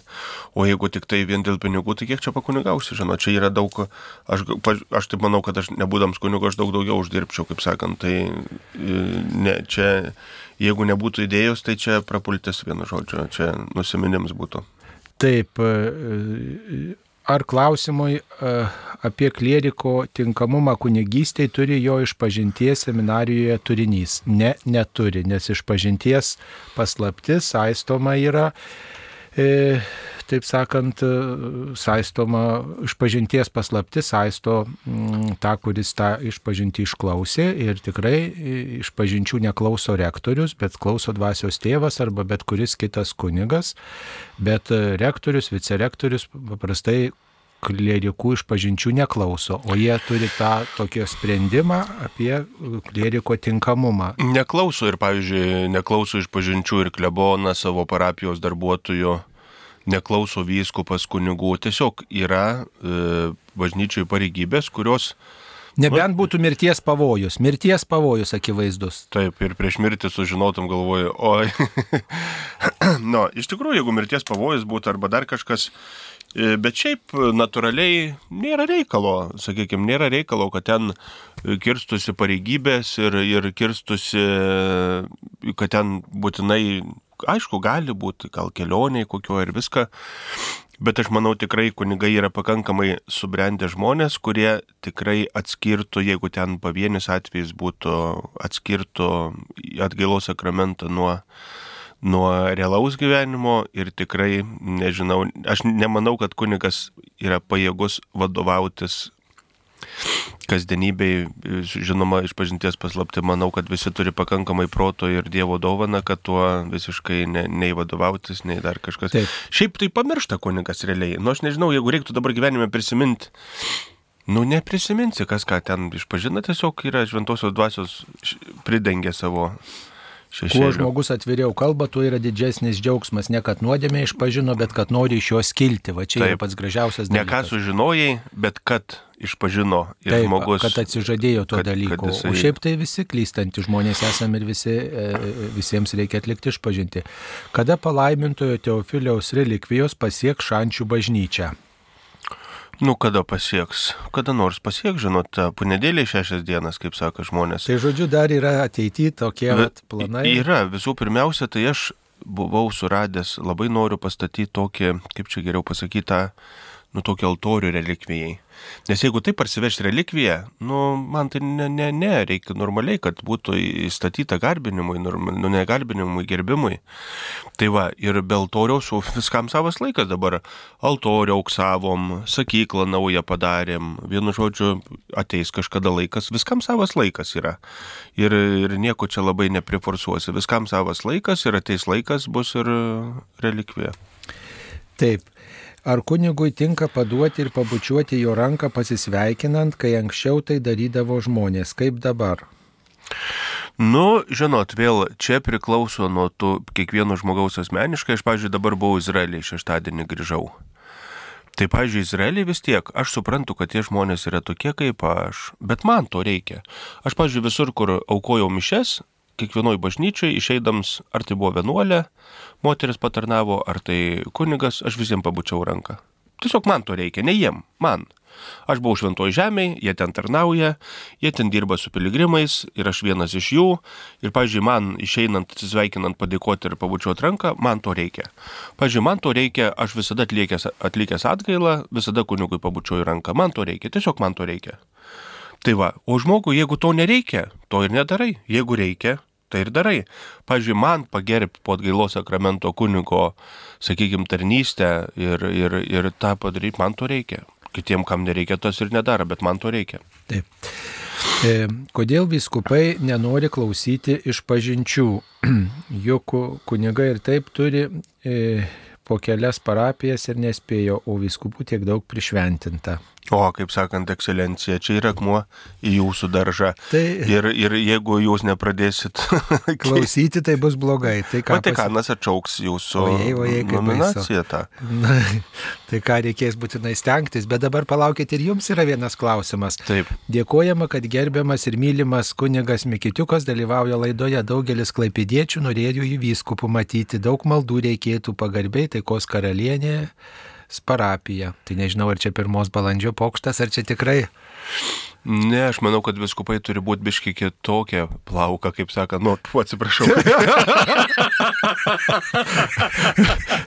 Kitaip sakant, mažiau plaukų turėt, norėt sakyti. Taip, su mažiau. Nu ką, ką daryti? Taip, atsiprašau, kaip sakant, nepastebėjau. Bet, bet ir jums va, jau dyla plaukai, žiūriu jau taip po truputį. Ne, man Nuo plaukai tai pakaušio. nedyla. Ne, esmė yra tame, kad, žinot, aš vis tiek galvoju, kad yra bažnyčių tarnystės, kurios nori, nenori, bet nu, turi turėti tam tikrą amžių, ne? Tai aš manau, kad vyskupas, vyskupas, kiek jums ekscelencija dabar metų? 50 atšventėme. Ir tai jau yra per jaunas šiek tiek. per jaunas. Per jaunas. Aš manau, kad vyskupas, nu, 55, 60, bet taip, va, visų pirmiausia reikia, nu, bet tarkim, jau ant jūsų jau, va, jau, nu, ką padarys, jau atsitikas, tai atsitika. Bet, pažiūrėjau, kai seminarijų dvasios tėvą paskiria, žinai, tik baigusi seminariją, nu, pajoka yra, nu, nuoširdžiai pasakysiu, pajoka. Patirties trūksta. Nei tie klerikai nori eiti iš pažinties, nei tie tas nori, nu, aš manau, kad dvasios tėvas minimum turi būti, kad jisai biologiškai galėtų būti tėvu. Tai reiškia 18 metų vyresnis. Jeigu į seminariją stoja 20 metų, tai dvasios tėvui minimum turbūt 40, minimum, bet tai mažai. Turi būti ir 50, ir 55, kad tikrai ateitų klierikas ir sakytų, nu tėvė, ne? Nu, va tėvė, ne? O dabar bendramžiai, žinai, nu negali tai būti. Tai aš manau, kad lygiai taip pačiai ir viskupai, ir, pažiūrėjau, santykė su kunigais, tikrai yra kunigų, kurie, nu, pažiūrėjau, kad ir ten būna, kad ir kursiniai ten arba dar kažkas. Nu vis tiek vyskupas yra vyskupas, jau jo negali nei tujint, nei dar kažkas, vis tiek tai yra tarnystė. Ir ta tarnystė tuo ir pačiam vyskupui lengviau, kuo tu esi vyresnis. Kuo vyresnis, tuo į tave kitaip atsineša į tavo sprendimus, į tavo tarnystę. Ir aš manau, kad tų jaunų viskupų, sakykime, buvimas, tai mm, dėl įvairiausių, ir dėl išminties, ir dėl patirties, kai jaunas atsisėda į vyskupo sostą, tai jisai pradeda galvoti, kad jis aplamai tam gimęs. Ir tada jisai, žinai, vat neturi to tėvišką, žinai, kaip aš sakau, aš, žinai, numirčiau, jeigu vyskupas taip, bereikalą paskambintų. Vat bereikalą, ne? Tiesiog kaip tėvas. Ne, tai kur tu arba ten, žinai, jeigu ką gero išgirdo, tai tikrai nepaskambins, o žinai, jeigu paskambina, tai žinau, kad vilnių Kad gausi. blogo, dėl blogo Žinai, kad vilnių gausi, ne? Bet realiai, jeigu taip va, važiuoja kada nors, sakytų, o, prisiminiau, reikia tam paskambinti, kaip jam ten tam kaime sekas. Ir aš manau, kad daugelis kunigų maloniai nusteptų, jeigu vyskupas tiesiog bereikalą paskambintų, ne? Tai aš suprantu, jau užsijėmė, ten visa kita, bet, nu, visi užsijėmė. Tai va, ir vyskupo, kaip ir klebono, sakykime, pagrindinė tarnystė, tai būti tėvu. Tėvu, vad būti tėvu. Žinai, kas iš to, jeigu vyskupą visur pamatysi, gimnazijoje pamatysi, ten visur pamatysi, išskyrus kunigai neranda. Tai lygiai taip pačiai viskupai ant kunigų pyksta, kai jų žmonės neranda. Tai aš manau, kad labai teisėtai galima pykti ant viskupų, kai jau kunigai neranda. Tai va, vyskupas yra kunigam, vienu žodžiu. Dabar jūs man pasakykit, koks skirtums viskupijai, koks vyskupas yra, koks skirtums? Jokia. Bet koks parapijų klebonas yra labai didelis skirtums. Nes klebonas palaidos. Tai va, vienu žodžiu, o koks pamoks- vyskups, dabar pasakykit šančiam, koks skirtums, koks vyskups? Ar tas, ar kits, ar trečias, ar ketvirts, absoliučiai jokio skirtumo nėra. Bet kunigam yra labai didelis skirtums, koks yra vyskupas. O pa, žmonėm, parapiečiam, jokia. Tai aš galiu pasakyti, o parapiečiam yra labai didelis skirtums, koks jų klebonas. O koks vyskupas, jokio skirtumo. Tai va, tai vyskupas turi Nu, bet būti... sutvirtinimo sakramentą atvažiuoja suteikti. Tai kur ten, vizitacija. Tai čia yra mizeris, čia absoliučiai. Vieną šventę galima iškentėti su bet kokiu vyskupu. Taip, ne? vieną šventę galima iškentėti su bet kokiu vyskupu, kaip sakant, čia nesmė. Bet esmė yra, sakau, vyskupas yra kunigam, va čia, kad būtų tėvas, tėvas kunigam, mylimi sūnus, va kad tai būtų, my... va didį ketvirtadienį ir sako, mylimi sūnus, ne? Mylimi sūnus. Tai reiškia, kad vis tiek vyskupas turi būti kunigo, nu, sirgalius. Pavyzdžiui, įsivaizduokit, dabar jeigu kunigas, nu, tarkim, kažką prisidirba, ne? Neduok vysku- dieve. Nu, tarkim, bet kaip vyskupas kaip tėvas? Kaip išeina kaip tėvas, ne? Sakytų, žinot, labai išgyvenam, labai skaudu, mes kalbėsimės ir viską. Nu, kaip tėvas, ne? Nu, vis tiek tėvas dengia, ne? O ne taip, kad, nu, aš nesakau, nėra to, bet vis tiek. Aš manau, kad santykis turi būti toks, kad kas kunigui benutiktų, jam būtų pirma mintis - reikia varyti pas vyskupą. Bet jeigu kunigui mintis, kad tik vyskupas nesužinotų, ne? Tai vadinasi, kažkas yra negerai. Nu, bet jeigu, pavyzdžiui, padaro vaikas kažkokią klaidą namuose, tai vis tiek yra tokia mintis, kad tik tėvai nesužinotų. Nu, aš pavyzdžiui, aš augau būtent taip, kad aš eidavau prisiduoti ir man būdavo, aš netgi atsimenu, kaip aš sakau, aš, Nesužinos bus blogiau. aš, aš, dėl ko man yra labai brangi išpažintis, dėl to, kad aš čia pirmos išpažintis buvo pas mamą. Va. Aš visada ką nors padarydavau, ateidavau pas mamą ir sakydavau, mama, tu mane myli. Jau, aš ją prisaigdindavau, kad jin mane myli. Ir tada aš jai pradėdavau pasakoti. Taip, matai? ir tada aš jai pradėdavau pasakoti, ką padariau. Ir, ir visada būdavo, nu, ką Tai padariau. gal ir kunigam reikia taip sakyti, eikit pas vyskupą, jeigu ką padarot, sakykit, vyskupė, tu mane myli. Taip. Tu Taip, myli tu, tu kunigus. žinai, kad aš tave myliu. Tris kartus paklausti, tu ar tikrai mane Tai va, myli. bet kalbam tada. apie santykį, apie santykį, apie santykį, tai ką aš noriu pasakyti. Jaunas žmogus, sakykime, kuo, kuo jisai jaunesnis, jis vis tiek, jis, jis nekaltas, jis fiziškai yra nepajėgus turėti to, pažiūrėk, kad ir kunigų, ne, yra jų visokių. Bet vyskupas, jis ne, nelygis vyskupų į asmeniškumų, sakykime, ne. Sakytų, man nepatinka, todėl jis ten negaus geros parapijos. Bet jis geriausiai dirba parapijai, bet vien tik tol, kad vyskupui, žinai, nepatinka ten kažkas. Jau ne vyskupo lygis lysti asmeniškumus. Vyskupas turi geriausius, ar ten patinka, nepatinka, žino, kad gali, moka, supranta ir varyk. O kad tu man nepatinka, ne? Tai čia man daug kas nepatinka, ne? Ir negali bažnyčios ten suskirstyti kartais. Tai va, ir kas leidžia tą ne, neskirstyti žmonių pa- pagal asmeniškumus, ten ka- kažką? Patirtis. Patirtis leidžia būti tėvišku. Taigi, sakytų, nu jo, ten žinai, bet, bet niekas taip gerai nepadarys kaip jisai, ne? Va, va čia yra. O jeigu ten lėtai čia ribotai, bet man tai, žinot, labai patinka malda. Viena malda, aš neatsimenu, kada mes ją skaitom, bet Dieve savo visą galybę parodai pasigailėdamas ir atleisdamas. Va čia tai yra lygis, suprantat? Nes kad tu pasigailėtum ir atleistum, čia yra tobulumas. Kad įkalinti, uždėti bausmę, suvaržyti, tai čia trijų klasių nereikia baigti. Vienu žodžiu, čia bet kuris, va, tris klasės baigia ir gali su tavim padaryti, ką nori, ne? Bet pasigailės, atleist, e, duot kitų šansų, čia jau yra, žinot, tėvo, tėvo, kaip sakyt, prerogatyva, ne? Tai va, ir mes visi to, ir aš galiu pasakyti, kiek, kiek mes kunigai esam geri parapijose, tiek mes sugebam parapiečiam būti tėvai. Vat tėviškai pažvelgti žmonių situaciją, tėviškai. Ir visada žmogus išeis laimingas, patenkintas, bet tėviškai, kad jisai, bet, nu, tėviškai, ne?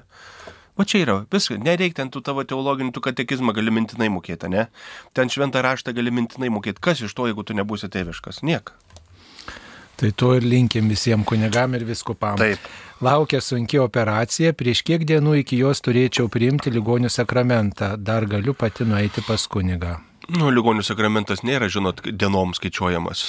Kada nori, tada vat, viduj, kada jaučiat pilnatvę tą pasiruošimo. Ar jūs iš vakarą tą padarysit, ar prieš dvi dienas, ar prieš tris, tas nieko nenulems. Kitaip tariant, ligonių patepimas neišsiduksoja, Taip. nenugaruoja. Tai kitaip sakant, kol dar galite nueiti ir nueikit, Taip. netidėdama ir priimsit komuniją, Taip. atliksit išpažinti. Nes tikrai e, ligonių patepimas yra meldžiant fizinės ir dvasinės sveikatos, kad žmogus, kad ir lygoj, bet jaustų tą tokią ramybę, ramybę, vienu žodžiu, tą širdies ramybę. Šiandien per radiją labai rytą girdėjau, kai sako, kad vidus neskubėtų, vat, žinot, kad neleist vidui skubėti kartais, va tas išoriai, nu gali kartais paskubėti, bet vidui gyvenime turi branginti savo vidų ir neleist skubėti, negali taip gyventi, kad vidus skubėtų. Tai va ir aš kaip prisimenu, kažkada gyvenau taip, kad, kad, kad vidus skubėjo, O dabar gyvenu taip, kad vidus mano neskuba ir tai Tai yra... kas padėjo sustabdyti tą Nu, skubėjimą? tiesiog, kai tu nustoji būti pasaulio bamba, vienu žodžiu ir tu susitvarkai, kaip sakant, kad tu žinai, kad tu visko nepadarysi, visko nenuveiksi, kad tau reikia poilsio, pradedi skaityti su savo kūnu, su savo ribom, sakykime mane, ir viskas. Ir, aš, pažiūrėjau, niekada greičio neviršiu, dėl to, kad aš niekur neskubu, aš taip sudėlioju laiką, kad nereiktų skubėti. Užsieniau atsimenu į Šiluvą. Reikia važiuoti, išvažiuoju prieš valandą. Važiuoju viršijų greitį, spaudimas sukyla, žinai, ten nu šėlsmas, toks vidinis šėlsmas. Įpuolį į baziliką, net į tualetą nespėjai iškart prie altoriaus, žinai.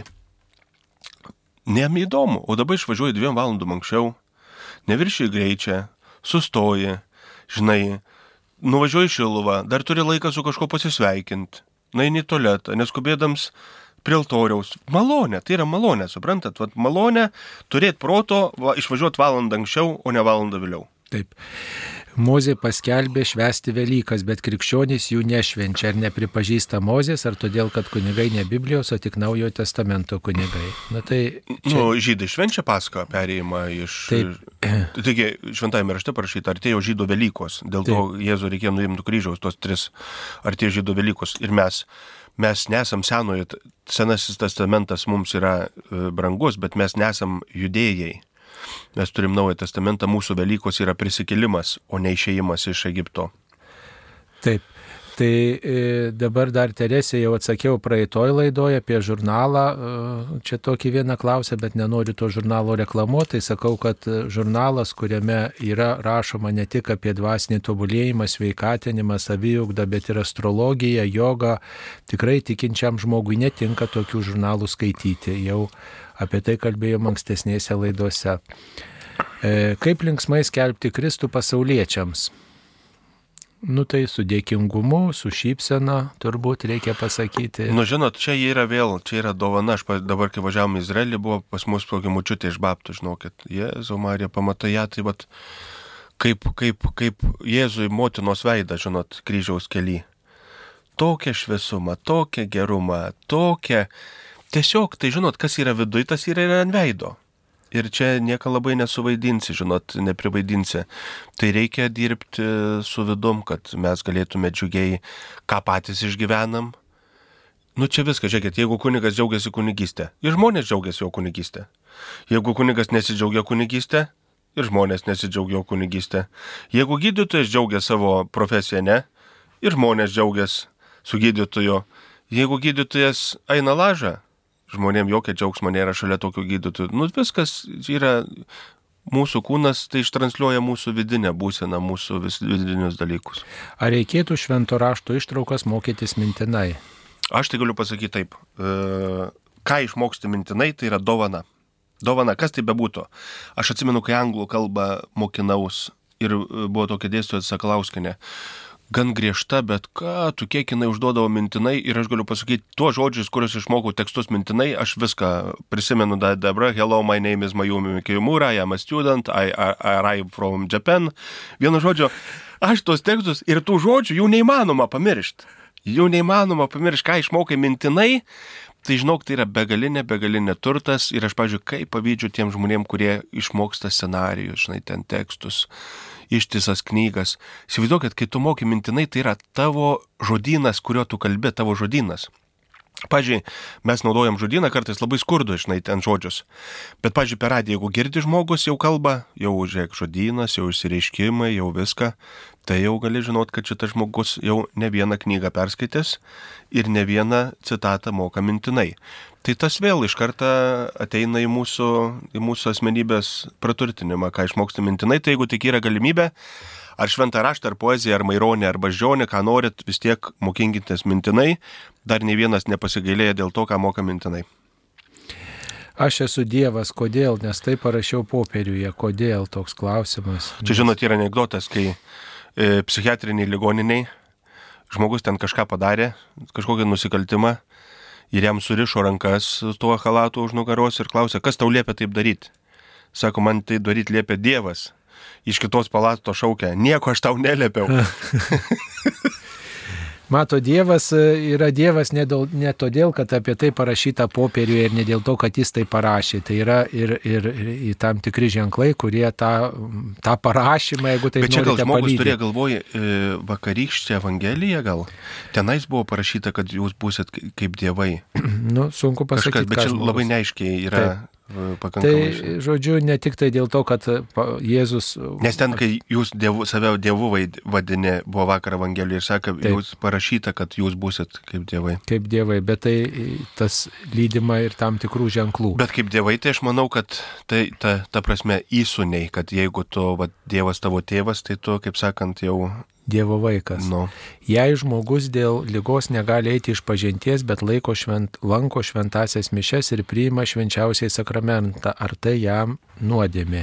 nu, jeigu žmogus ateina e, iš- į bažnyčią ir įdomu, dėl kokios lygos gali neiti, bet tai tada kunigai namus pasikvieti ir gulėdams, gali nori gulėdams, nori stovėdams, nori dar kažkaip, tai manau, kad nėra tokios lygos, dėl kurios žmogus negalėtų atlikti atgailą, nebent jisai būtų ten, sakykime, paralyžiuotas ir nekalbėtų, e, kalba būtų atimta. Bet jeigu žmogui netimta kalba, tai jisai nėra tokios lygos, dėl kurios jis negalėtų eiti atgailos sakramento. Gal bažnyčiai, galbūt, bet tai kuniga paskambina ir sakai, mielas klebunėlį, norėčiau, kad atvažiuotumėt pas mane į namučius, aš iškepsiu kotletų, išvirsiu arbatas, Nebūtinai ir kotletų ir arbatos. Bet gerai, taip. kotletai, gerai, Nu, reikia. Nu, lašinių. ne visi tada, kunigai gal valgo Tada lašinių kotletus. va įdeda Lašinių papjaustyt. vakar. Va, pasigirsiu, va vakar, kai buvom. Buvau pas ligonį dėl lašinių ir šiandien jau Marijos radijų vat, vyskupą pavaišinau šitais Ačiū labai, lašiniais. labai skanus lašiniai. Va, tikrai. lašiniai. Tai na, visada eini pas klebuniuką, reikia tai lašiniukų nunešti, tai dešį reikia, tai medučia, tai dar ką nors kas skanaus turit. Viską Nu, reikia. da- pasidalinti yra gražu, Taip. kaip sakant. Aš jums nuoširdžiai pasakysiu, aš pači, pačias brangiausias gyvenime aukas gavau, tai va, kai žmonės mane prisiminė, vieną kartą aš einu iš klebonio agurko padėta. Ir žinot, tų agurkų ne dėl to, kad tu negali jų nusipirkti, bet kažkas apie tai pagalvoja, suprantat? Taip. Kažkas apie tai pagalvoja, va čia yra, žinokit, ir kai žmonės, pažiūrėjau, mieste, ar čia krikštas, ar santo, kad tau net saldainiuko niekas nepaduos, ne? Tai reiškia, kad ką, niekam neįdomu, ten numetė auką ir turėkis, ne? O, sakykime, Lietuvoje yra vietovių, kur eina ten, išvaizduokit, ten žmonės ten, nu, tarkim, kažkas skanaus pasidaro, ne? Ir mišios. Reikia lebonui biškinu nešti lauknešėlį. Tai ten ar tu lašinių atpjausi, ar dešros, ar kokią viniotinę, ne? Ne dėl to, kad tu negali nusipirkti, gali. Bet tai, ką tu jauti, kad apie tave pagalvoja, tai čia yra dovanų dovana. Tai va, mėly žmonės, tikrai noriu pasakyti, kai einat pas klebuniuką, ne dėl to, kad jam to reikia, ten, kad jis to neturi, jis gali nusipirkti, gali. Bet jūs parodysit dėmesį, kad ir bambonkė, va, klebunėlė imk, va, vakar pirkau bambonkį labai skanės, paragau pačiulpk. Vienu žodžiu, va čia yra, nu, va čia yra, nu, apie tave pagalvoja tiesiog. Rūpestis ir toks dėmesys. Jo, apie tave tiesiog pagalvoja. Tai yra nu, nuostabus dalykas. Ten nuostabus dalykas, kai žmonės gali pagalvoti apie savo kunigą ir tu tą pajauti. Nu, dar viena tokia tema, kurią klausytojas nori, e, klausytojai nori pasvarstyti, tai apie tikėjimo deklaravimą. Dabar mokiniai atvirai mokomi tikėjimo tiesų, ruošiami pirmai komunijai sutvirtinimui, bet paradoksalu, kad procesijos metu nėra kam nešti kaspinų. Kad nėra kam nešti kaspinų, tai čia, žinot, yra, kaip čia pasakyti, vėl laiko, laiko tokia dvasia jau ir tie pagyvenę jau, žinot, šalinas ir visa kita. Ir čia kaip ir atrodo kažkam nelygis. Paimkim Jėzuitų gimnaziją, ne?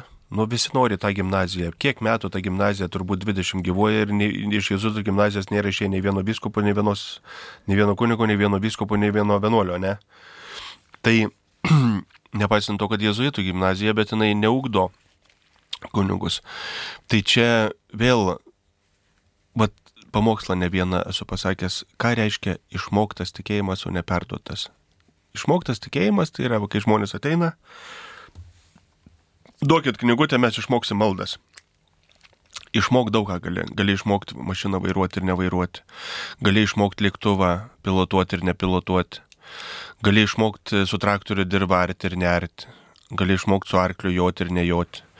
Gali išmokti daug ką, gali išmokti. Tai va, išmoktas tikėjimas. Va, aš tokį terminą esu sugalvojęs. Išmoktas tikėjimas. Tu, kai išmoksti tikėjimą, jis tau viena iš disciplinų. Bet tikėjimas, kai būna perduotas, va čia jau kalbam apie šeimą, apie namų bažnyčią ir taip toliau ir panašiai, tai žinot, tikėjimas, jis kai išmoktas, jis ir lieka tik išmoktų tikėjimu. Taip, mums paskambino. Mums paskambino iš skuodo Genovaitė. Taip, Genovaitė, klauskite, eterija esate Garbė Jėzui Kristui. per amžius. Aš naudojos progą, kadangi šiandien yra gerbiamas kuningas Audris Mikčiukas iš Šančių parapijos. Vieną kartą, kaip jis lankėsi čia jū- jūsų laidoj, tai klausė moteris, kur palaidotas Antanas kuningas Jurgutis. Jis yra kilęs iš Žemaitijos ir jis e, pirmąją parapiją turėjo Skaisgerio Švento Jurgio parapiją. Ir aš lankiau pirmą komuniją prie jo ir aš aplankiau dabar Antano Jurgučio kunigo kapą Šančių šventoriuje. Ir švenčiausias mano kunigas, kuris gali būti. Jis eidavo pas ligonius, ei, į mokyklą aš eidavau, sutikdavau, mes klaupdavomės ant griovio krašto, jis neždavo švenčiausią ligoniui. Mes varstėm gėlės, mes, mes e, išmokom visą, ką turėjo išmokti ateinantis suoti augantis Aš kaip katalikas. suprantu, jūs norit sužinoti, kuris palaidotas? Aš, aš lankiau jau kapą palaidotas Šančių parapijos. Taip. Taip, o ką jūs norit paklausti? Ką jūs norit paklausti? Aš noriu pasakyti žinę tokią jūsų kažkada klausė moteris, kur palaidotas A, kuningas Antanas Supratau, Jurgutis. supratau. Taip. Tokią Ačiū. informaciją aš suteikiu. labai, Gerai, labai ačiū. ačiū labai, Mhm, ačiū. ačiū. Gerai, tai džiugu, kad prisimenat savo kunigus, kurie jums teikė sakramentus. Ir gerai, kad jūs- prisimena, va, kur klausimas buvo seniau, seniau klaustas ir dabar tik įdomu, ar ta moteris, kuri kažkada klausė, ar dabar klausosi tos, kur, kad, Taip. šitas kunigas Nu, palaidotas yra šančių, šančių šventoriuje. Ar negeriau būtų, jei vaikai ruošti pirmąjį komunijai dėl tikėjimo, o ne dėl tradicijos, o gal geriau proginius ruošti, kai turės 18 metų? Matot, yra ir taip, ir taip. E, Vienu žodžiu, nėra dabar bažnyčiai tokio standarto. Kas nepasiruošia, būdami vaikai, ruošiasi 18 metų, 25, pažiūrėjau, pas mus dabar yra katechumenato grupė, tai yra žmonės nuo 30 iki 60 metų, nu, iki 70 gal netgi. Tai, kurie nepasiruošė, tai ruošiasi tada vėliau. Tai aš nežinau, žinot, aš manau, kad dėl, sakykime, tikybos ruošimo mokyklose tą nusprendė viskupai, švietimo ministerija, susitarė, ar tai yra gerai, ar tai yra blogai, kad ta disciplina yra kaip disciplina. Nu, aš manau, kad yra ir pliusų, ir minusų, visko čia yra. Bet, sakykime, vis tiek pagrindinė tikėjimo vieta yra ne bažnyčio šeima. Tai namų bažnyčia, ką mes vadinam. Nu įsivaizduokit, nu bet kas. Jeigu šeimoje yra kažkas branginama, tai normalu, kad ir vaikas brangins tas vertybės, kurias tėvai, ne? Ir jeigu tėvai nėra tikintis ir sekmadienį nešvenčia ir niekada maldos nėra, tai kad vaiką padarys tikinčiu, nu tiesiog yra utopija, taip nebūna, tiesiog taip nebūna. Kad jisai suaugęs galės atrasti tikėjimą, taip, tai galės būti. Bet kad vaikas, sakykime, kad ta pirma komunija dabar pas mus, pažiūrėjau, šančius eina vaikai iš pažinties, tėveliai gink dievę jokių būdų, ne, tėveliam yra nesąmonė iš pažintis, o vaikam turi būti sąmonė. Nu nebūna taip, nebūna. Ir jeigu Tokia apgaulė išeina. Aš, aš pavyzdžiui, gražiausią gyvenime dalyką, ką esu matęs, gražiausia, žinau, kad tai buvo, ne, net neįsivaizduojat, tas vaikas gal dviejų metų, gal pusantrų, nu ką jisai supranta, nieko. Ir to, kad mama eina iš pažinties, o priekiai savęs, prie klausyklos jinai klūpi ir priešai savį laiką va tą vaiką. Ir jinai eina iš pažinties vaikas taip galvo pakėlė, žiūri, žinai, kaip mes, nu jinai išpažįsta nuodėmės, žinai, per mažas, kad jisai čia žinotų, apie ką čia vyksta, ne, Taip. kad jisai. Bet aš galvoju, įsivaizduokit, vaikas nuo pusantrų metų mato mamą, jisai stovi šalia, tarp kunigo ir mamos jisai pastatytas prie langelio, užvertęs galvą žiūri, o mama eina iš pažinties. Tai žinokit, aš susigaudinau net pamatęs tą namų bažnyčios, va tokį, namų bažnyčios tokį vaizdą. Ir aš gražiausia, ką esu matęs gyvenime, tai mama prieki savęs laiko vaiką ir eina iš pažinties, žinot. Tai galvoju, vat, koks vaikui pavyzdys, jis nuo mažų dienų atsimins va tą atgailos sakramentą. Tai čia. O ką išmoksti mokykloje, čia sakau, daug ką gali išmokti, bet ne, nereiškia, kad tai bus tavo, tavo gyvenimo dalim. Taip. Ir Turiu kunigu gali išmokti būti. Ir vyskupu gali išmokti būti. Visko gali išmokti. to ir stengiamės mokytis. Turiu sesę, kuri gyvenime nėra ištarusi žodžio atsiprašau, kuri pridariusi daug skriaudos ir neteisybės artimiesiems, norėdami išlaikyti santarvę, jai pataikaudavo, pirmi žengdavom žingsnį į santykių susigražinimą. nu. Ar pataikavimas nuodėmė, gal taip trukdome jai Baimė, nenuodėmė, baimė, baimė. Kaip vienas- elgtis? Kaip elgtis? Pr- Pradėti elgtis taip, kaip reikia elgtis. Vieną kartą reikia sugrįžti į realų gyvenimą, o ne į vaidybą. Ir aišku, tas nebus labai lengva, bet pasakyti, mėla brangioji, mums atsiboda, mums atsiboda čia aplink tave šūkinėti kaip apie princesę, pagalvo, kad ir mes esame gyvi žmonės. Ir dabar prašau prisėsti ir išklausyti visų, kaip mes jaučiamės ir kokia mūsų pozicija. Ir arba mes prieinam prie santykių kaip visi žmonės, arba mes turėsim tampėlio ir bus labai nemalonu, bet mes čia pavargom vienu žodžiu gyventi su princesė. Tai va paimi ir pasikalbė, tiesa padarysiu jūs laisvus ir jeigu žmonės neturi drąsos pasikalbėti, tai tada linkiu gyventi taip, kaip gyvenot iki šiol. Taip. E, Dar viena žinutė apie dvasinį vaikinimą tokia buvo.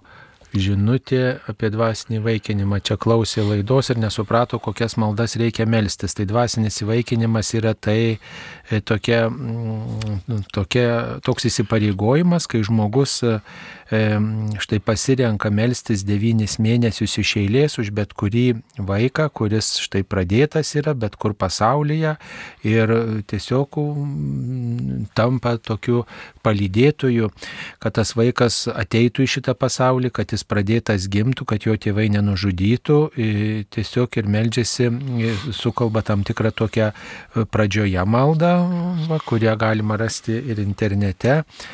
Ir taip pat kasdien įsipareigoja melstis už negimusi kūdikį e, viena tėvė mūsų, dešimt sveika Marija ir garbė Dievui tėvui ir padaro kažkokį gerą darbą. Ir dar prideda tokią specialią maldą. E, Tai e, galima apie tai rasti katalikai.lt puslapyje e. E, Taip pat yra toks puslapis širvis.lt, galima ten rasti informacijos ir e, tą rožinio vieną paslapti, kokią apmastų, tai jau čia žmogaus pasirinkimas, paties žmogaus pasirinkimas.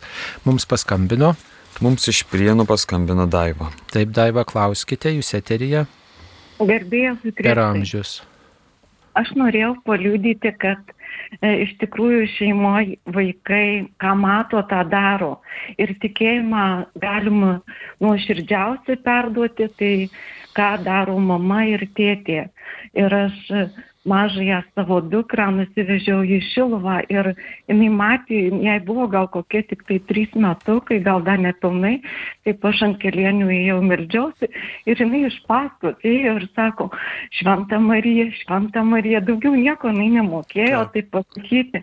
Ir tai yra, ką mes darom, tą ir vaikai daro. Ir niekas ten, jeigu vaikui neparodysi, jisai nesupras, nes tiesiog tik tai vaiką liepi daryti, o savo pavyzdžių atvirkščiai darai, tai jisai to nesupras ir dar reikia Taip. paaiškinti. Tai aš visada sakau, kad pirmiausia savo veiksmais turi parodyti tą tikėjimą. Ačiū labai jums, labai gražu. Ačiū. Tai va, kaip sako, kad tėvam nereikia vaikam sakyti, kaip elgtis, kaip nesielgti. Jie, jie vis tiek sako, elgsis taip, kaip jie elgėsi, o ne kaip sako. Tai va, ir vaika, vaikui gali pasakyti, nesikeiko tėvai keikės. Vaikui sakysi, ten nerūkyko, tėvai rūko, ne, nu tiesiog yra, yra nu, toks konfliktas moralinis, kur sakai vieną, o darai kitą. Tai vaikui, aišku, kad pavyzdys bus pirmo vieto, o ne tai, ką tu sakai. Taip, dar viena tokia, toks klausimas yra, kuo skiriasi krikščioniška tikėjimo bendryje nuo e, sektos, nuo krikščioniškos sektos. Nu, Aš manau, kad krikščioniškų sektų, kažer yra. nu, galima pavadinti įvairiai, bet, reiškia, ta sekta tai turi tokį uždarumą. Uždarumą tokį ir, reiškia, tas mokymas priklauso nuo, e, nuo, nuo vieno to įkūrėjo lyderio, kuris, reiškia, Pavyzdžiui, jeigu aš dabar šančių parapiją atskiriu nuo viskupijos ir pasakau, neliskite mūsų parapiją nei vienas, ką nematyčiau. Tai va būtų šančių sekta. Taip, bet e, žmonės bažnyčioje, krikščionių bendruomeniai, katalikų bažnyčioje yra laisvi. Jie yra kviečiami ateiti, yra kviečiami įsipareigoti, dalyvauti, bet, bet jie... Ir mokymas yra užangažuotas toks, sakykime, kada sekta tokie Ir, nu, sekta yra, reiktų, va, pažiūrėti sektą apibrėžimus, ką sako kalbininkai. Bet čia pasižiūrės jau kiekvienas gal mūsų klausytojas, palikim tą, kaip sakant, ir mūsų klausytojams, nes mūsų laidos laikas baigėsi ir noriu, pas... Taip, noriu pasakyti, kad šitoje laidoje dalyvavo Kauno švenčiausios Jėzaus širdies parapijos klebonas kunigas Audrius Mikitiukas ir taip pat prie mikrofono buvau aš, kunigas Saulis Bužauskas paskirtas vyskupčiui, jums būkite palaiminti. Šiandien žinokit balandžio pirmą, tai nesileiskit apgaunami. Ir kitom dienom tegul niekas jūsų neapgaudinėja ir jūs nieko neapgaukit. Ačiū, sudė. Sudė.